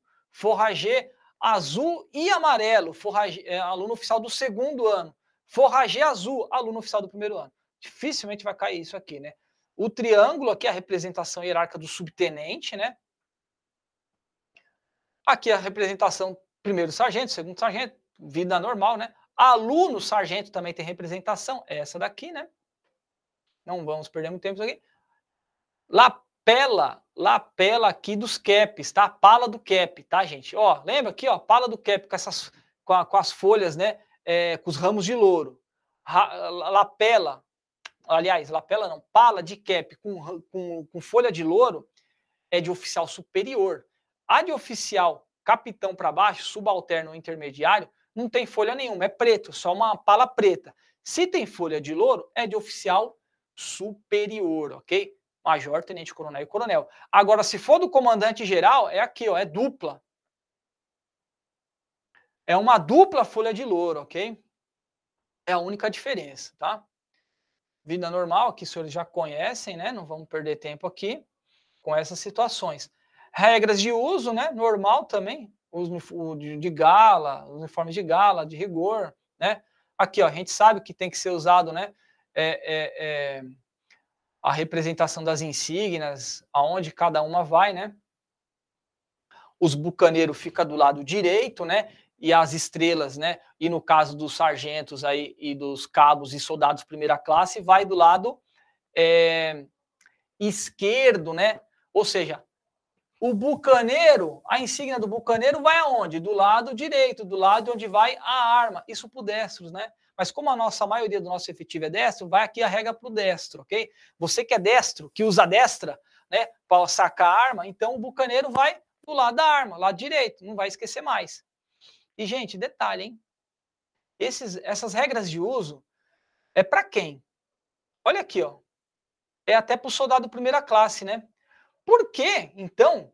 Cadê a, a regra de uso do soldado segunda classe? Qual é a divisa do soldado segunda classe? Gente, soldado de segunda classe não tem divisa. Os senhores sabem, né? Os senhores já foram soldados de segunda classe. Soldado de segunda classe não tem divisa. Não tem divisa, ok? Por isso, é até primeira classe. Ou seja, se quer dar uma representação para o soldado de segunda classe. Capote, mesma coisa. Cap, casquete, né? Como é que vai utilizar lá, né? O, a estrelinha ou a, a a identificação dos, dos sargentos e cabos, e cabos de soldados. aluno oficial, né? A gente já falou, mesma coisa. Segue. É... Aí tem a classificação das divisão dos distintivos, né? Essa classificação, o que, que é, gente? Os distintivos podem ser divididos em função, atividade, cobertura, né? No CAP, barretina ou na, na Boeing. É, curso de qualificação profissional e curso de especialização. Então, estou com o meu brevet de curso. Tem curso de qualificação profissional e curso de especialização. A diferença do profissional para especialização qual é? O profissional é aquele de formação. Fui lá, me formei soldado da Polícia Militar, curso de formação da Escola Superior de Soldado. Me formei sargento agora, estou lá na Escola Superior de Sargento, né? Tico Cefap, né? Curso de formação de sargento, né? Fiz o CAS, curso de aperfeiçoamento de sargento. Olha só, o CAS também, curso de formação profissional. CFO para os oficiais, né? O CH, quadro de habilitação para o quadro auxiliar de oficiais, também específicos, né? Esses são cursos de profissionais. E curso de especialização? Curso de especialização, curso de tiro, curso de polícia judiciária militar, curso de P1, curso de P5. Então, esses outros cursos são cursos de especialização, tá, gente? EAP não é curso, tá, pessoal? EAP é estágio, tá? Então, estágio é diferente. Estágio sequer tem brevet, né? Brevet só curso, ok? E o Distel, a novidade, né? A novidade do verão. O Distel, que é aquela situação que a gente coloca agora força tática, né? Força patrulha, pessoal do choque, corregedoria, né? Vida normal. Vamos lá ver como é que é isso daí? Olha lá, cadê? Vamos enxergar aqui os nossos. Olha lá, esse daqui, ó, de CAP, né? Ó, CAP de oficial, é, distintivo de aluno oficial,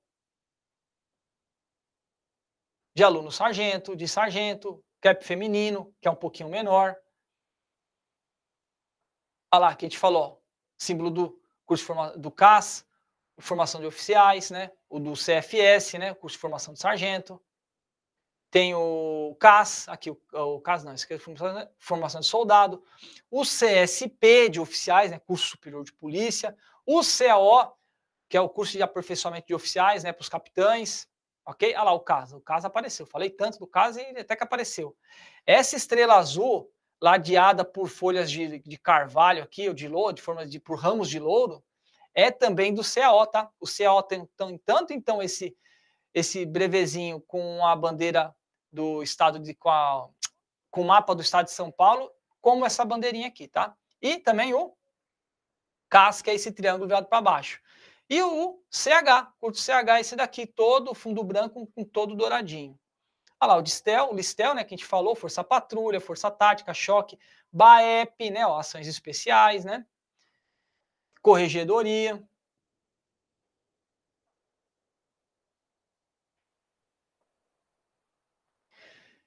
É, chegando já próximo do final da nossa aula, né, gente? Vamos falar aqui, deixa eu tentar entrar aqui. É... Falar de uma outra situação aqui agora, rapidamente, nesses minutos finais que nos restam, né? Para a gente aproveitar bem a, a aula aqui.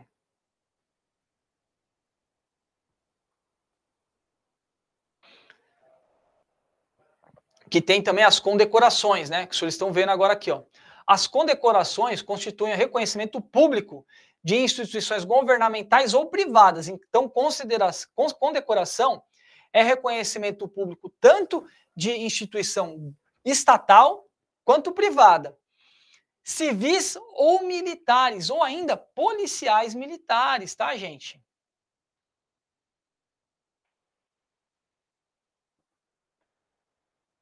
O que compreende Condecoração. Não é só laura de mérito pessoal, que está aqui embaixo no item 6. Medalha honorífica, que são chamadas ordens honoríficas, ok? Medalha militar, medalha, medalha prêmio, medalha condecorativa de outros órgãos é, militares ou civis. Tudo isso é condecoração. Então, se cair questão nesse sentido, gente, perguntando o que é condecoração, laura de mérito pessoal também é. o tudo que difere aqui, porque a gente tem quatro tipos de medalha: a medalha militar, a medalha policial militar, medalha prêmio e medalha condecorativa. Medalha prêmio, gente, é aquela medalha que dá em razão de mérito da pessoa. Por exemplo, aquele que se formou em primeiro colocado no curso de formação de soldado, vocês lembram? Primeiro colocado no curso de formação de sargento, ele recebe uma medalha prêmio. Olha que interessante. Aquela medalha Pedro Tobias, né, me engano, né? Recebe medalha prêmio. E ordem honorífica, que também é uma medalha, tá, gente? Também é uma medalha, tá? Mas é chamada de medalha de ordem honorífica. Então, medalha de ordem honorífica e, e lado de mérito pessoal também é condecoração junto com medalha, é tudo, ok? Poderão ser entregues a civil. Civil pode receber condecoração? Pode sim, a gente sabe, né? Ordem honorífica tem escala limitada, não vamos perder muito tempo nisso daqui, já que está acabando o tempo, né? Eu queria é, passar para os senhores aqui, né? A extinção, né? Quando é que você pode perder, então, uma lauda de mérito pessoal é, ou uma medalha? Olha que situações, né? Deserção. Fui condenado por deserção. Cometi o crime de deserção, né? foi lá feito o termo de decisão. Posso ser condenado ou posso não ser. Fui condenado? Acabou, tá, gente? Perdeu ali o direito à condecoração. Condenação irrecorrível, ou seja, transitada em julgado, por qualquer crime de natureza desonrosa ou ofensiva à dignidade profissional. Cometeu crime, transitou em julgado, crime de natureza desonrosa ou de ofensividade à dignidade humana, vai perder também. Fato ou evento praticado pela entidade civil que instituiu a condecoração, que vá de encontro aos valores da instituição. Qual que é esse caso desse inciso 3 aqui? Gente, vocês receberam uma medalha de uma instituição civil, ok? Recebeu? Recebeu, bacaninha, beleza. Só que essa entidade, ela é, foi ali, é, praticou um ato que vai contra os valores policiais militares. Aí você vai ter extinta essa condecoração dessa entidade que praticou ato contra os valores, ok? Essa daqui é a venera, né? É, é, medalha. O que é a venária? Né? É composta de venera e fita. Isso aqui é uma medalha. Então a venera é a moedinha e tem a fita, né? Tem um passador aqui ainda, tá, gente? Isso aqui é uma banda, tá? Essa daqui são as barretas. Lembra que eu falei da barreta? Já sabe que é barreta. Placa, que é outro tipo de condecoração, que é uma medalha também, né? Dificilmente isso aqui vai cair. Colar. Olha, gente, então tem colar também, tá? Colar é a dupla corrente, ó. É, e é pendurado no pescoço mesmo. É o colar com a medalhinha pendurada, ok? Tranquilo. Isso daqui é um outro tipo que é a comenda, que é medalha também, só que ela tem duas é, fitinhas ao lado, em vez de uma só. Tem a precedência lá, uniforme administrativo gente falou, né? Que é seis no máximo, ok? A gente já falou. Muito bem.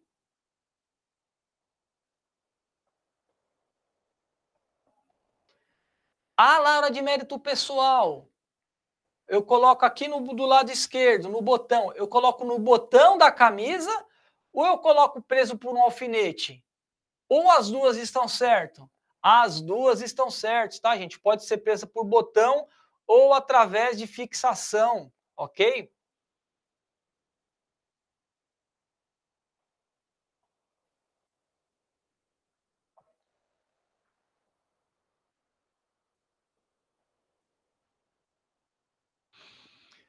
Gente, está acabando o nosso tempo aqui, tá? A gente, ó, Laura de mérito pessoal em abrigo de frio é proibido, tá? a gente sabe. É... Uso de cobertura.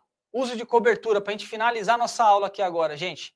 É obrigatório no interior da viatura e quando estiver em atendimento de ocorrências, ok?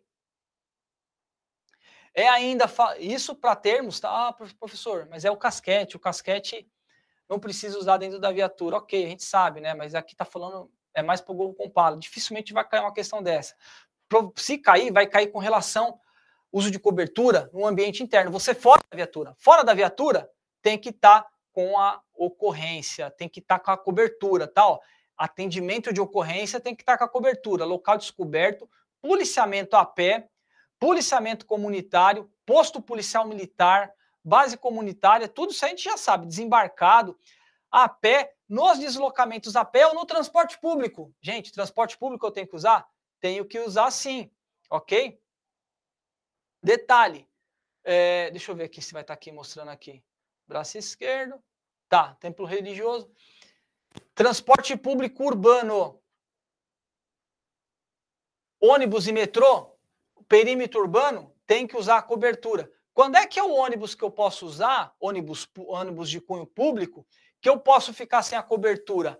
Ônibus interestaduais. Ah, acabei o trabalho, vou voltar para o interior. Nesse ônibus, ônibus que não são ônibus urbanos, transporte público não urbanos, eu posso ficar sem a cobertura, ok? Transporte público urbano, trem, metrô, ônibus que ligam é, cidades contíguas, né? Ou seja, São Paulo Guarulhos, São Paulo Osasco ou bairros de uma mesma cidade, é obrigatório o uso de cobertura, ok? A gente sabe que em, em, em atos ou cerimônias fúnebres e religiosas não é permitido também a utilização de cobertura. Gente, tentei o máximo aqui adiantar, né? Eu acho que as coisas as mais importantes, deem uma pesquisada naquilo que lhe faltarem aí com relação ao uso de uniforme, tá? Agradeço a todos, muito obrigado, até a próxima, fiquem com Deus, valeu!